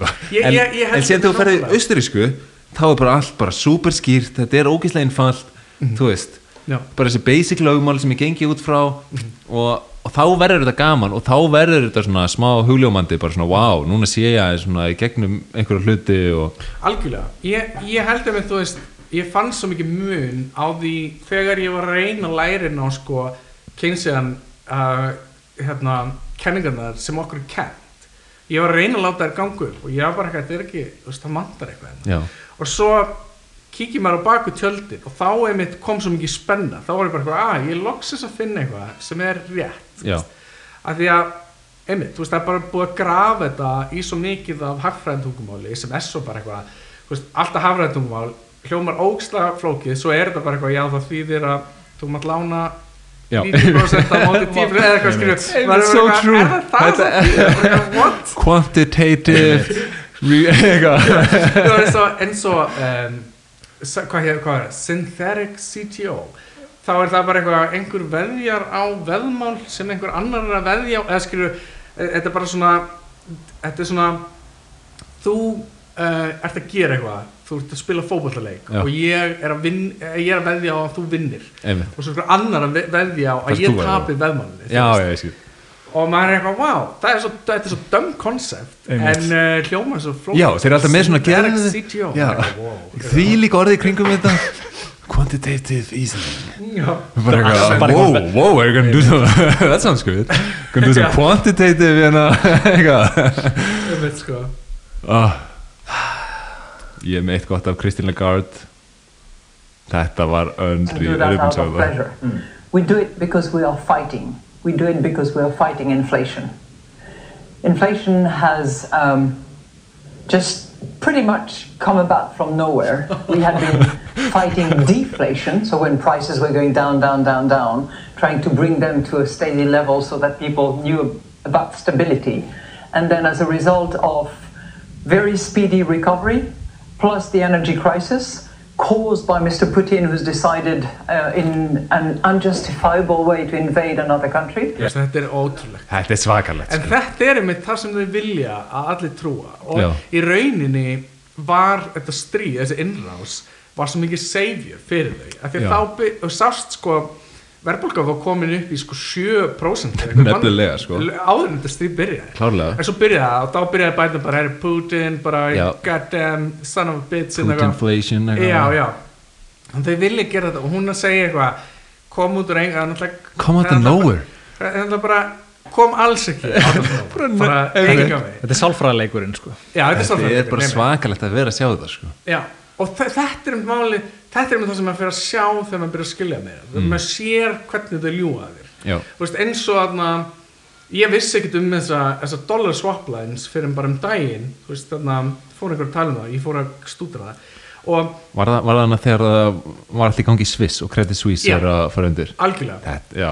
Einmitt og fenguðu, swappuðu fyrst 6 biljónum, svo 11 og svo eh, hefur það minkað en þú veist, það var samt, það var í síðustu viku 200 miljónir eða eitthvað. Já, og svo fór ég á Bloomberg bara daginn eftir. Mm. þá var hérna fyrirsögnum var um, banki í Swiss eitthvað hérna Sælabankinu Swiss eitthvað swappar við Sælabankinu í bandaríkjunum eða bank swappið hérna Sælabankinu í bandaríkjunum for easy profits. Þá var narratíðið sérst í alvöru að að því að þessi bankar fá þetta swap þeir fá það samt ekki einu svona veist þeir að borga uh, að borga vexti á þessu en það var eitthvað að því að sko þeir gátu tæknilega séð swappa þessu og selta með 0,25% hagnaði. Mm. þá var það sko maður bara hver myndi gera það? Eða Einmitt. plussa að selabankar vilja ekki fara í þessu swap lines þeir bara gera það að því að það er nei já, og eina ástæðan fyrir því að nota þessi swap lines er að því að 2007 var ekki önnulaust sem að uh, Sælabankin kallaði discount window sem að bankar gáttu komið í beint og sem sagt fengið uh, lán á mjög góðum kjörum í stuttan tíma, eitthvað hannig og það vildi enginn fara í þetta af því að þetta kemur upp á yfirlitinu og þetta, sem bankis og ef þetta kemur upp á yfirlitinu þá er aðrar stopnarnir bara eitthvað herðið ég sé að þú vorst að fara í hérna discount window hjá Sælabanku, hvað er ekki allt í góðu eða eitthvað svona, þú veist, þannig að e, þannig að það sem Sælabankin gerði var að hann reyndi að lokka banka sem voru í lægi uh, og hann reyndi svona að láta þá miðla peningunum til banka sem voru ekki í lægi nema þetta virka ekki, þú veist, það, þess svona störtuði þessum swapline sko. Og þá getur við verið með miklu minna transparency, þá getur við verið með Sæðlabank í hverju landi sem að tek swappar þessu. Sæðlabankin er svo snýsir svo við og lætur uh, fjármálstofnur og banka í sínu landi fá þetta, veist, að og við þurfum að grafa frekar langt til að sjá hverju það er, veist. Stundum er þess að kannski, þú veist, að fyrir eftir hvernig yfirlitið er, þú veist, stundum kannski kemur það ekkert alveg almennilega fram, sko. Þannig að Það þyrft að vera on the blockchain þá myndi maður sjá þetta. Ég segja það sko, það er það málið þú veist, það þyrfti- þú veist, að það er með allir þessu óvissufaktor er svo óþægileg það til þess að veit engin um, transaction volumið í einmitt. svona á dagstælega, mánaðarlega, árlega. Af því að þú í, til að byrja með sko, þá er sumið þessi fjármálagjörningar svo flóknir. Þú veist ekki alveg hverju þú ættir að leita. Nei, einmitt. Veist, þannig að og það er gæðveitt steikt að búa við maður er bara eitthvað, já ok, allt mitt líf er undir einhverju kerfi sem veit ekki einu svona hvað er inn í því, einmitt, hvernig það er saman hvað, er að, hvað það er að gera sko. algjörð þú getur tekið eiginlega hvaða háskólagrein sem er og tekið þetta svona explain like I'm a five year old aspekti á, á þú veist hvað er verið að gera. Já, læknisfræði, við hjálpum fólki að lifa lengur. Eitthvað, þú skilur Já. hagfræði bara eitthvað, þú veist, forget about it. Það er bara að þú byrjar strax með eitthvað jargon. Quantitative easing það er þú veist. Einmitt sko, og þetta er svo mikið jargon að þessi kenningar er ekki sann það er virk Nei, það er og, og einmitt ég held að það líka hrindi burt fólki er að því að það getur ekki skilað þannig að það heldur bara ok það er bara eitthvað smart fólk að sjá um þetta. Nefnilega, það er að sorglega við þetta sko. af hverju, af hverju eru Bitcoin maxar ekki vinsalastar á Twitter? Af því við erum að tala sannleikum já veist ég held samt í alvöru þátt fyrir að sko, við erum mikið baklast og þannig náttúrulega ég held samt í alvöru að hvað þetta ástæðan núna hafi stækkað Bitcoin hópin sko. Ég, ég held að þú veist klárlega að það sé meir fleira fólk sem einhvern veginn fór að spá í hva- hvað er þetta hagkerfi, hva, að- hvað er það að gera fyrir mig? Mm -hmm. akkur líður mér alltaf eins og ég sé að streyta fyrir það fyrir ekki neitt. Mhm. um, hann ég, ég held að sé fleiri núna þú veist. Hérna, og ég held líka einmitt að uh, það hafi haldið sér uh, ég meina að droppa náttúrulega fullt eins og allt annað. Ég held að það hafi haldið sér svolítið vel síðastlið að því að ég held að núverandi hópur sé ekkert svo mikið að spá í að selja. Nei, Þú veist, það, er- hann er bara eitthvað, já, já, whatever, þú veist, hérna, allt annað er að brenna í kringum eitthvað sem er, þú veist, og við erum ekki lengur með hennan kontrast þar sem að fyrirtækinn ganga vel og krypto er eitthvað að þetta hrið falla, þú veist, nú- núna er bara Facebook, eh, Meta Facebook er bara- meira heldur en Bitcoin, Já, og það gerðist bara á nótæl, það gerðist Já. alveg að pratt og þú veist, öll önnur kröss sem við höfum séð, þú veist, þannig að við erum ekki með hennan kontrast lengur þar sem að fyrirtæki eiga að vera gett solid og góð á því sem við vissum að þau voru aldrei, Mhm. þú veist, Mér segir bara ríkiskuldabrif hafa verið að treyta eins og shitcoins sko. Einmitt, það er það er einmitt svo gott dæmi um hversu mikið shit við erum í. Já. ríkiskuldabrjöð sem er bara svona tops of the tops. Já, þau eru farin að feila Já, þú veist og maður er einmitt hugsað, þú veist, hvað er framhaldið á því, þú veist, að hérna og uh, hérna stjórnmálamenni eða sem sagt um, eins og Janet Yellen í bandaríkjum er bara eitthvað í alvöru farin að tala um það að kaupa aftur ríkiskuld bara, bara eitthvað ættum við að gefa út skuld? Kaupa ríkiskuld, eh, er það góð hugmynd? Og svona spyrja markaði að því. Og þeir bara eitthvað, ég veit það ekki, þú veist ekki bara svo lengi svo kemur mér út úr þessum vandamannum en þú veist, þetta er komið út í svo mikla gæðu ekki að það meikar ekkert sens lengur. Það veit enginn hvað hann á að gera. Og það veit enginn hver lausnin er. Mér fannst vera áhugavert sem hún sagði í uh, upphafi viðtalsins þegar hún sagði sko hvernig narratífan hjá þeim sem eru að advokera fyrir Bitcoin hefur ekkert breyst. Mm og það var alveg svona, já það er, það er líka pínlítið svona festa í þessu skilur Mhm. alltaf að segja sömu skilabúðin og eru ekki volatile á því hvernig hugmyndafræðin liggur að baki peningnum skilur Mhm. En allt annað er einhvern veginn influx já, í já. þessum óreiði heimi saman hvort þú sért að tala um hagfræðina eða bara whatever skilur Já. það bara einhvern veginn Nefnilega, og það er þetta svolítið mikið bara, heyrðu, pröfum þetta og svo bara eitthvað, heyrðu, nei, ok, þetta er ekki alveg að ganga um, þá reyndar er oft bara eitthvað, ok, pröfum þetta aftur, skilur en þar er einmitt, ég held núna síðust tvo áratíði, erum við búin að vera svo miklum experimental tíma einmitt, af því að þetta er búið að vera autocontrol svo lengi. Var ekki bara quantitative easing bara búið til í byrjun uh, þú veist, áratugurins Jú, ég held basically að Japan hafi verið svona fyrst. Japan er búin að vera svona macroeconomics experiment Já, fyrir alltaf einhvern veginn, eitthvað, hvað gerist eitthvað? Og, og þeir hafa, það menn hafa alltaf verið að benda til Japan bara svona, já, Já. nei, þetta er allir góð, sjá, sjá hvernig Japan er já, já, Japan er búin að gera þetta heilmikið hérna, uh, og maður bara já og hvernig er það ganga, svo sér maður það er ekki ganga vel. Og sko, það var einhver, einhver að bendi mitt á ég sá þann daginn, hérna, var að segja að mögulega hafi sko bara ástandið sérstaklega síðustu 12 ár eitthvað hannig, verið að halda þessu svolítið góðu hjá Japan, af því að þú veist dólarinn var ekki svo hár svo byrjar hann að rísa og þá sér maður hvað gerist eða þú veist það, það, basically kemur þröskuldur þar sem að þú veist, í fyrsta lagi var þetta ekki að virka því þetta átti náttúrulega líka að proppa upp efnahægin þeirra, Mhm. þú veist, þetta er kannski bestafalli hjælt uh, jeninu þeirra á Einmitt. en svo sér maður hvað gerist þegar allt breytist, þá er þetta svo viðkvæmt að það byrjar alltaf að veist, Mhm. það bara og þú veist það er einmitt líka allar þessar kenningar eru svona best case scenario kenningar, eru gerum quantitative easing og svo sér maður núna að það er svo viðkvæmt og brota þetta að ef eitthvað gerist að þá fer allt í fokk, eða eða meins að líka þau gera það og þau það gerir ekkit annað en að búa til bólu. Þetta er bara svona hætt, hættan við tölfræði. Að þú veist, þú getur alltaf búið til einhverja tölur og ekstrapileitað eitthvað til að fá út útkomuna sem að þú veist, þú heldur að sé best þú veist, og þjónar þínum hagskilur, það er alltaf hægt að vera eitthvað já, þessar tölur sín okkur að þú veist, og þeir geta skjúað eitthvað aðeins til að fá betri útkomu. Það er, það er veðsynni við tölfræði og veðsynni eins og við hækkerfið er að þú veist, þetta er svo breytilegt og hefur fólks er svo breytileg að, að reyna ekki streppleita eitthvað svona 20 ári í framtíðina með eitthvað svona tölfræði. Þú ert ekki að fara að geta bara reiknað út hagkerfið, það virkar ekki að Nei, og þess vegna er svo áhvert þessu austríska hagfræðin gengur meira bara út frá rögfræði og að þú veist ekki tölfræði. Nei, einmitt. Nákvæmlega, bara hvað er logical, hvað make sense í stæðan fyrir eitthvað ég ætla að setja inn eitthvað líkan og Einmitt. mér finnst það mitt svo áhugavert um, ég sá, þetta er úr einhverju bók sem ég las frá sko 49 og þar er einhver gauður að tala um mitt hann er að tala um basically sama kerfi og við lifum í þetta og sko þá er það að fara úr böndurum þú veist, hann er bara eitthvað þú veist, hann á 70 ári okkur núna alltaf komið í eitthvað algjörðuglega hann er að tala um bara um, þetta er algjörð drögl, við vitum ekki hvað peningar eru lengur. Og hann, hann segir hérna um, já, hann, hann, segir svo að um, þetta aðeins út, það er að koma að þessum punkt að ég hátti hérna um, já, hann að tala um þess að kerfi.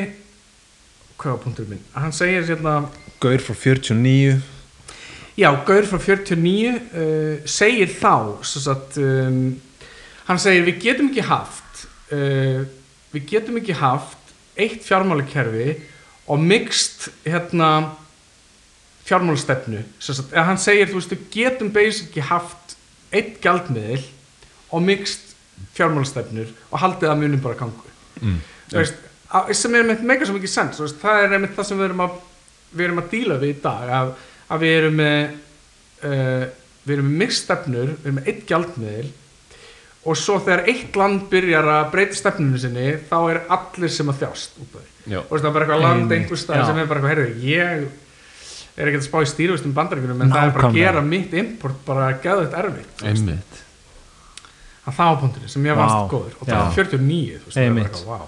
Þörfin á þessu ómiðskila kerfi er svo Þetta er Já.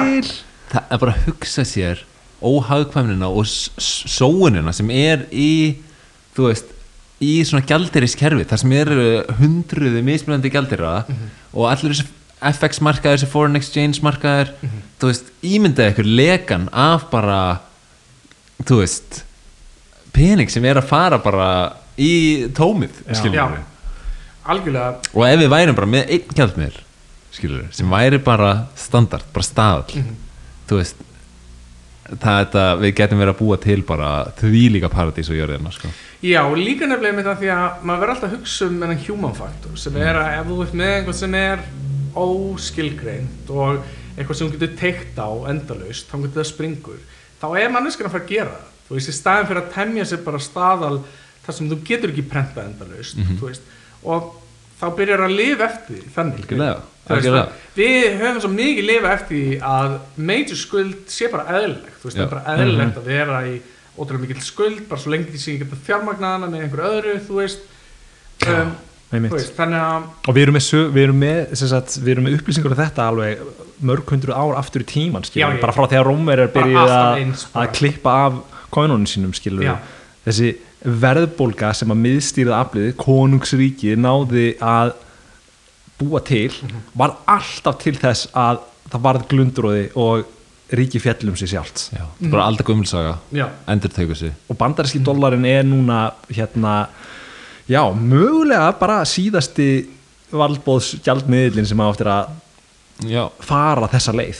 Ég sé þetta einhvern veginn eins og dólarin muni bara krössa alla aðra peninga og síðan verður hann síðast já, ég heldur líka að því þú veist ég, ég get ekki séð að við förum út úr þessu og séum bara eitthvað, ok byggjum upp næsta, hérna alveg með skjaldmiðl það er bara, veist sérstaklega líka meðan við bara svona polariseringguna á milli landa, það vilja veist, fólk vill meira einangrast losa sem fyllt burt frá bandaríkjunum þú veist og um, en ég held að sé samt spurningum þú veist, hvað gerist næst sé svolítið spurningum veist, ég held að á einhverjum tímabúndi þurfi jafnvel að vera einhver uppreist sko, af því að þú veist, maður sér eitt sem er líka, af því að við erum búin að tala um sko, hvað gerist þegar maður lærir inn á þetta Já.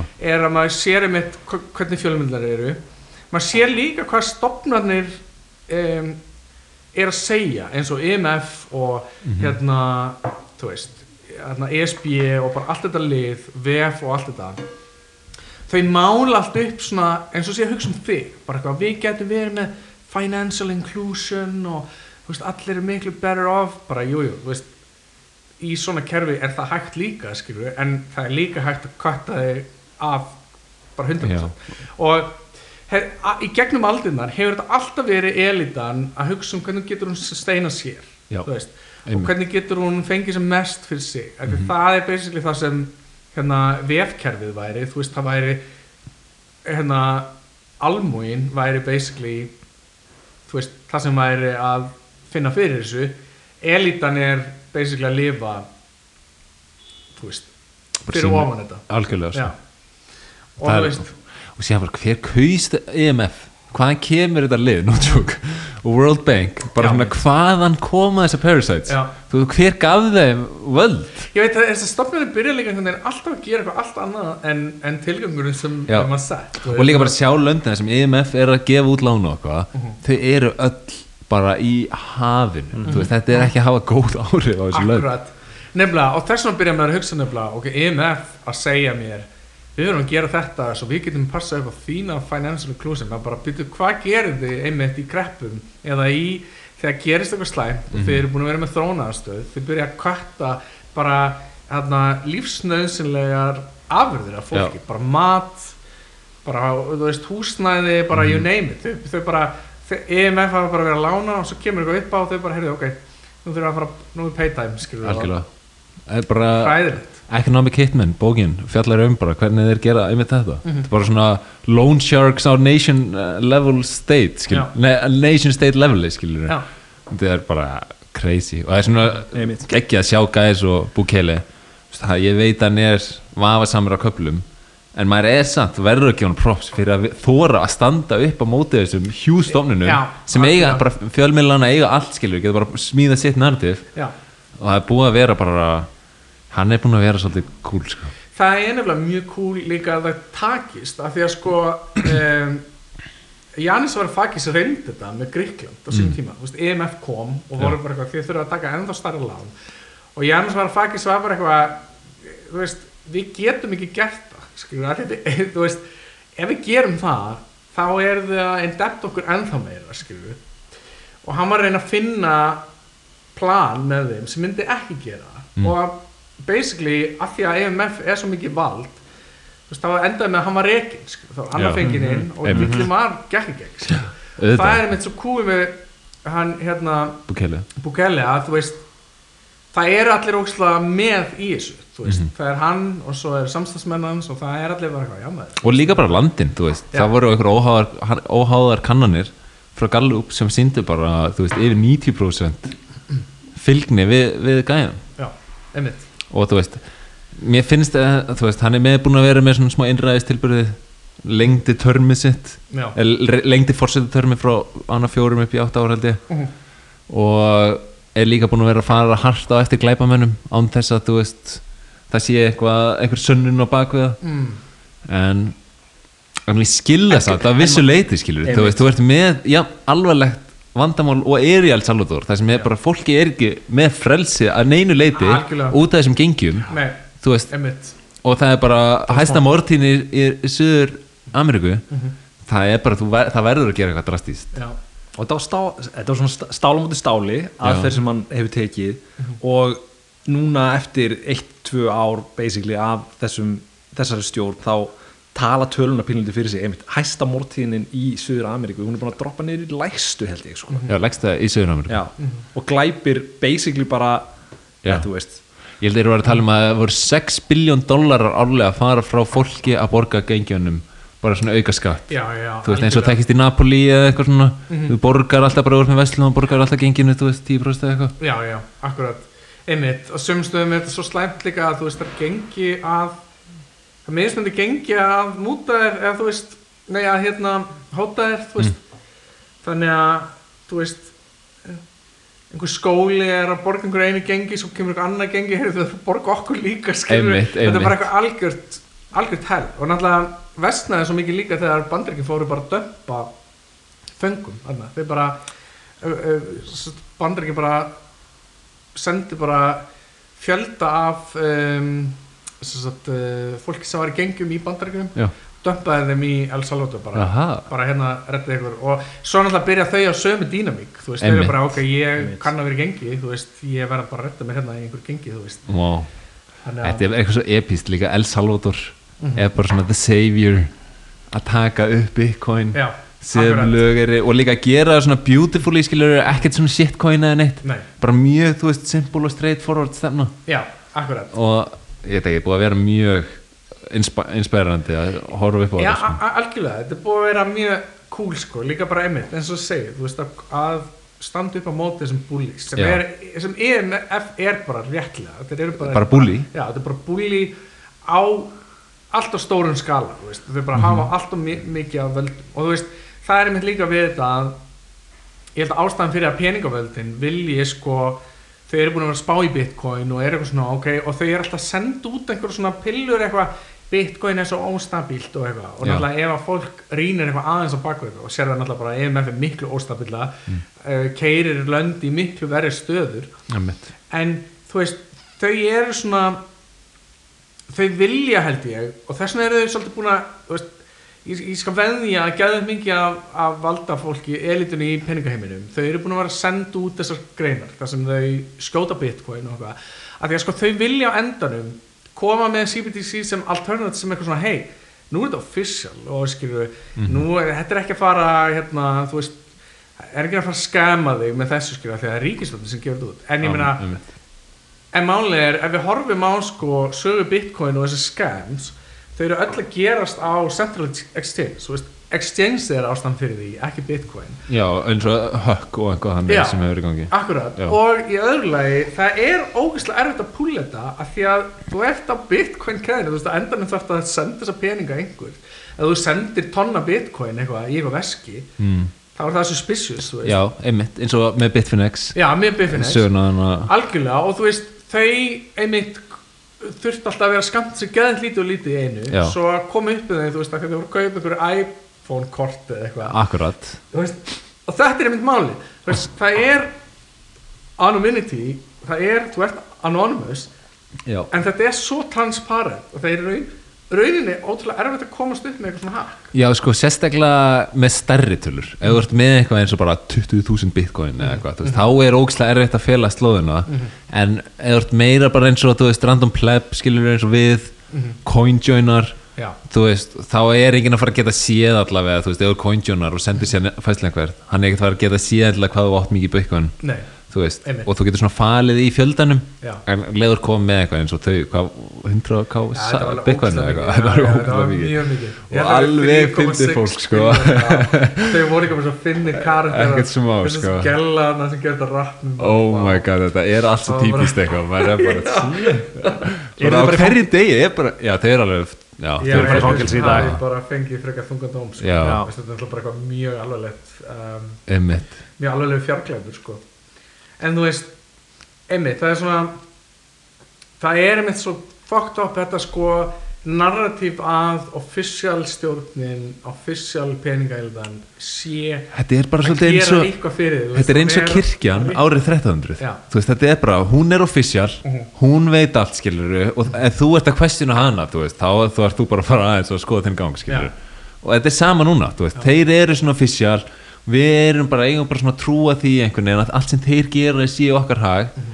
en fólk er bara svolítið að vakna fyrir það kannski er það bara ekki þannig, skilur og það sem þeir lofi ykkur stability og eitthvað Mhm. en síðan bara svona það er eins og þeir suppressi þeir eru svo að halda bolta undir sundlu skilur þeir Mhm. eru að suppressa hann, reyna að halda hann stable en síðan bara þú veist, verður þetta á mikill þrýstingur skilur og bara það fer allt í búm skilur Einmitt, og það er einhvern veginn í gangi núna sko. Já, það er Já. það bara er í, við erum að Já. lifa hérna við erum einhvern veginn wow, upp í loftinu núna skilur Já, Já. algjörlega og við erum einmitt að tala saman á áhugaverðum degi af því að í dag kemur út uh, stýrifastahækkun Sælubanka bandaríkina ok, og mér finnst það með þetta svo mér, mér, eitt sem ég er búin að læra til þess á, þessu ferðalagi mínu er hversu ótrúlega óvarðalur uh, hérna, hlutabröðmarkarinn er sem eitthvað svona sem eitthvað svona mælikvarði á hvar hlutinir eru. Af því þú veist ég sá einhver svona, sá einhver svona grein sá með headline hérna að sko það var einhver svona JP Morgan gaur sem var að segja sko já annarkort verður 10% rally sem svo hlutabrið fara upp um 10% eða þau dömpa um 8% og það byggði á því að þess að Sælabanki myndi kannski mögulega bara hækka um 50 base point og maður er með bara þessi markaður er delusion þú veist, hann er bara að því að þú veist maður horfir í kringu sig, ég sé ekki eitt gott merki. Veist, það er hérna, það eru vandamál mikil vandamál í efnahænum í bandaríkjum Eh, það er náttúrulega major vandamál, orkuvandamál í Evrópu.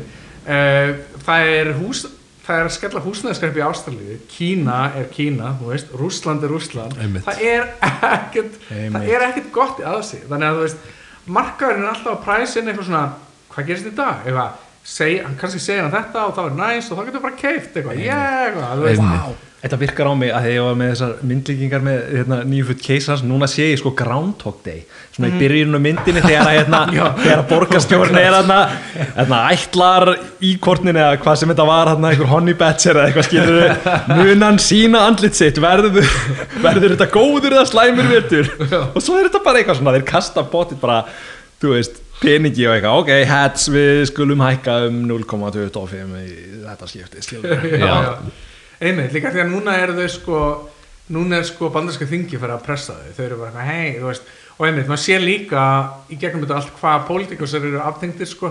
Og þú veist, og hva- hvað gerðist þarna til dæmis með Liz Truss og þannig. Mm. að því að þú veist, þeir eru bara eitthvað eh, sérstaklega síðustu ár eru pólitíkusar bara orðin svo vanir því að peningaprentur, peningavélin hefur bara prentað meira og meira með árunum. Þannig að þeir þekki eiginlega ekkert annað núna, Nei, þeir eru bara eitthvað, við getum alltaf að prenta peningin, en það ekki, nema núna erum við bara komin á stopp í því, þú veist, við sem náttúrulega gerir líka næstu skref svo óljós, af því að í öllum þessum kreppum, þú veist, það ge- gerist 2020, 2008, 2000 við höfum alltaf geta farið í þetta sama horm sem er beðislega að selmangin lækka stýrjastin er ekki neitt og byrjar að prenta peninga Já. nema nú erum við bara komin í við getum, við höfum ekki það Það er ekkert svigrúm lengur. Við er, getum ekki veist, þannig að Þetta er einmitt Ray Dalio á long term debt cycle Já. að þetta er búið að þú veist við e, göngum í gegnum debt cycles sem er bara út að við erum í skuldadröfu hagkerfi og, hana, og þau eru svona short term kannski tala um tíu ára eða eitthvað en síðan er það long term debt cycle og það er svona 100 ára og við erum bara á honum endan núna Já. og það er þegar að vextir eru komnir í 0% skilur Já, já. og þú getur ekkert lengur það er tól bara horfið. Já. sem þú varst búin að vera með þeim, eins og þú segir skilur bara gast alltaf lækka, lækka stýrivexti og prenta út aðeins mér pinning og eitthvað. En núna er bara, þú veist nú er reynda, búin að vera að hækka eins en við vorum komið niður í 0% skilur þetta var orðið dægir sko. Algjörlega nefnilega sko. Og líka einmitt það er einmitt það sem að sé líka að þú veist það er alltaf að tala um eitthvað 70s, 80s eitthvað þá voru þeir hækkaðir upp í þú veist, 20% málið er við getum bara ekki þú veist það er svo mikið af þjóðum vísarum heimi sem eru svo skuldsettar bandaríkin sérstaklega sem er að sjá um þetta þú veist að þau get ekki þau get ekki hækkað þá svona mikið. Þú ætlar að hækka þá svona mikið þá eru bandaríkin allir farin að skulda sko major vexti á sín, sínum eigin skuldum Einmitt. og allir aðri heiminn þannig að þetta er bara þú og, veist og það er núna, þú veist, bandaríkin er að borga núna meiri vexti heldur en í heldur en í stríðsrekstur Vá. einmitt spáði, þeir eru að borga meiri vexti heldur en í stríðsrekstur og þeir eða fokki mikið í stríðsrekstur sko. Akkurat, sko. crazy dæmi sko. ég er Herri, við erum að, ertu með eitthvað meira? Ég er með eitt af Bukele verða okay. hann var með svo gott rand bara endaði þetta á skemmtilega the Federal Reserve uh, is nothing federal and has no reserves, right? So, uh, so they, they do print more money and they rob you from your wealth and from your savings, and that's immoral. But it's not only immoral, but it also destroys the, some basic economic principles, like, for example, saving or your pension. From these uh, financial publications, they will print lies you know, there's, there's, there's something special about lies is that they don't last for long. They don't last long. hann Já, er þetta er algjörlega að þeir eru svo fáir sem er að tala upp gegn þessu bulli skilur Já. og þegar maður sér einhvern veginn eins og hann vera að gera það bara tilbúin að tala bara tæpa tungur laust það er bara þvílíkt næs að sjá það sko. Já. Já, já, að því að þú veist, þetta er það sem maður er búin að vera að sjá og halda skilur já Og ég heldur mig bara svona til að bæta við í lokin, einmitt, bara svona að til að taka frá þessu, að, að því hann sagði að þú veist, að stela stela spartnaðininu og ég held líka að það sé bara svolítið búið að normalisa að þú eigir ekki endilega að hafa spartnað Já, einmitt. Þú- það, er svona, það er ekki sækt beint en þú veist, það er miklu meira að vera að pressa heyrðu, takk þetta, þetta það, þetta, bara, bara skuldsettu þið í drasl. Og ef það er eitthvað einmitt sem ég hef lært á þessu ferðalagi mínu sko er hversu ótrúlega mikilvægt það er að í fyrsta lagi geta sparað og í öðru lagi að sparnaðurinn haldi við þessi sem hann gerir ekki. Þú veist, allar þessar klassísku bankar þú veist, ég veit ekki alveg hvaða tilgangi þessar stofnarnir þjóna því að eins og ég hugsaði um það í byrjun allan þá áttu þeir að vera fyrir okkur. Það áttu að vera fyrir sparnaðin okkar og til að ávesta sparnaðin okkar. En þú veist, það er orðið núna bara eitthvað second thought við erum síðust í röðinni uh, bankar hérna á Íslandi eru með innlánsreikningi á sælubankunum og fá feita vext á hann sérstaklega núna og borga okkur svo peanuts. Já, þú veist, þannig að það er, það er ótrúlega mikið Einmitt. þú getur ekki gett það. Það þess að vantar okkur eitthvað. búið að vera bara stríð gegn sparnaði. Já, Við sko, maður sér þetta samt þeir eru hættir að gefa út bauka. Það er ekki til henni bauka það var alltaf hérna hvað heitir hérna? Georg Georg Georg og hérna og og það Krónan er gott við Georg sparibökinu mitt. Já það er bara að þú kannst sett hann á opn og þá, þá, var það svona mjúkur og þá kannstu Opna. opna lúna quantitative easing Já, það er smá quantitative easing á Georg það, er mjög góð punktur þú veist, bankunir eru ekkert lengur eitthvað hei, þú veist, hérna einu sem þau gera er að þau gefa krökkum eitthvað svona algjörlega pointless dæmi til að einprint inn í þau eitthvað svona, hei já, ég fer í Íslandsbank mm. Já, einmitt og snýst allt út á að eyða bara og þú veist, Já. eyða og eyða og, og þú veist, getur kallaði fjárfestingar en þú ert að ert Já. og það er annað en að spara, skilur að spara er svo mikilvægt fyrir samfélag að, þú veist, geta bara verið með solid sparna til að geta haft einhverja framtíða sín já, einmitt. Algjörlega. Og þetta er mjög áhvert eins og ég austurísku bara eins og time preference. Að þú veist, því harðari sem pinningurinn er því, mm, þú veist, lægra er time preference þarna þjóðurinnar og þetta er bara akkurat það sem er að gerast. Það er allir bara með super short time preference eigða öllu í dag. He- þú veist, mest bara í eitthvað rugl skilur og meiri þess að eðsla eins og þú veist, fasteign, þetta er bara þetta er neysla að að búa í fasteign skilur Já, já. flesti líti á það sem sparnaði það er sparnaði skilur einmitt. Eh, algjörlega, er, við erum náttúrulega búin að búa til alveg sérstaklega fókt upp ástand hérna á Íslandi Já. sem að var bara verra með síðustu kreppu sko eða síðusta, hérna síðustu downturn í COVID sko Mhm.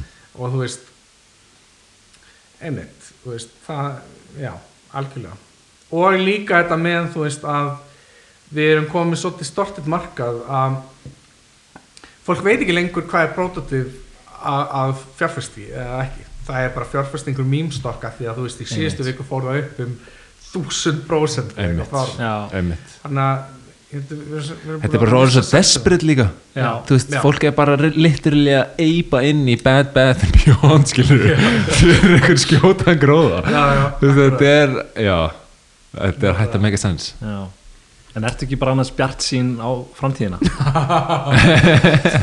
um, ég meina sko ef ég á að segja eitt sem ég er bjart sín á er að mér finnst gæðveitt næs að það sé allavega eitthvað fólk að tala um þetta skilur. og það er eitthvað fólk sem setti saman bitcoin og gaf það. Einmitt. þannig að það er svona það er vonar nisti og líka bara því að ég veit að það er annað fólk en ég og við sem að vill fá svör og og ég veit líka að þetta kerfi er búið að expósa sér svo ógæslega mikið einmitt eins og segir, keisan er nakin alveg, alveg kviknakin þú veist að ég er að vona að það íti okkur í átt að finna réttu lausnina þú veist.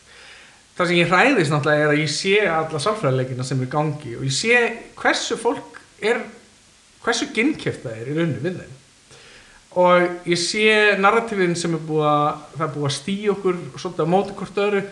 Og ég sé sérstaklega það, það er svona eitt sem ég hræðist til dæmis með þú veist að því, því ég er að sjá öll þessi mótmæli á bitcoin og maður er bara eitthvað hefur þú spurt þig um þetta eigið peningakerfi að þá sé einhver kvati að þú veist Þú veist, því að það komið myndi upp ógæslega skrítið dæmi þe- þegar allir anti-bitcoinanir fóru að hópa sér saman og voru bara þetta drasla, þetta er svo mikið orku að það kom svo mikið mótlæti á, á ákveðin tímapunkti að þeir voru farin að tala upp fíat og ég hafa bara eitthvað, shit, það er já, sko. vá. þú ert farin actually að tala upp þetta handóniti kerfi veist.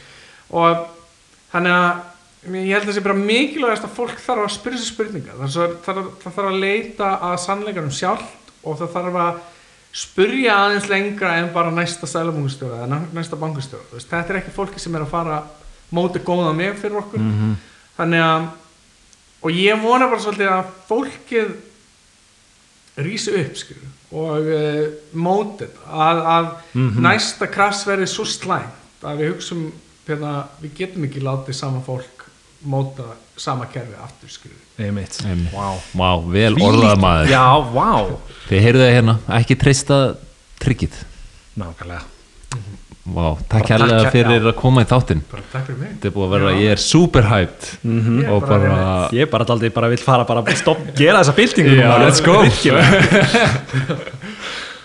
Þið eru náttúrulega, þið eru að taka þáttinni, sko. Ég meina, þetta eru sma, þetta eru tegulangan tíma og þetta eru lítil, lítil en mörg skref sem þurfa, sem þurfa að koma alls saman. og við þurfum bara að segja bara svona, já, tengja samfélagið á líka á þessum nótum skilja sem við erum öll í þú veist, á sama skilning einmitt yfir hvað er vandamálið og Já. hvernig lausnin er skilur einmitt og talandi um það við erum á Telegram Já. Bitcoin byltingin Donna, þú ætlaðir að join okkur joina. er það ekki? Næs, Já, bara- snill hjálpum við það Um leið að þetta er búið, þetta veit alls, sko. Svo bara erum við á Fountain hérna, podcast appinu þar sem þú getur uh, styrt podcastið. styrt podcasti og, og kommentað. Átti ég að lesa þarna eitthvað upp eða? Það er eitt komment frá síðasta? Frá síðasta þætti?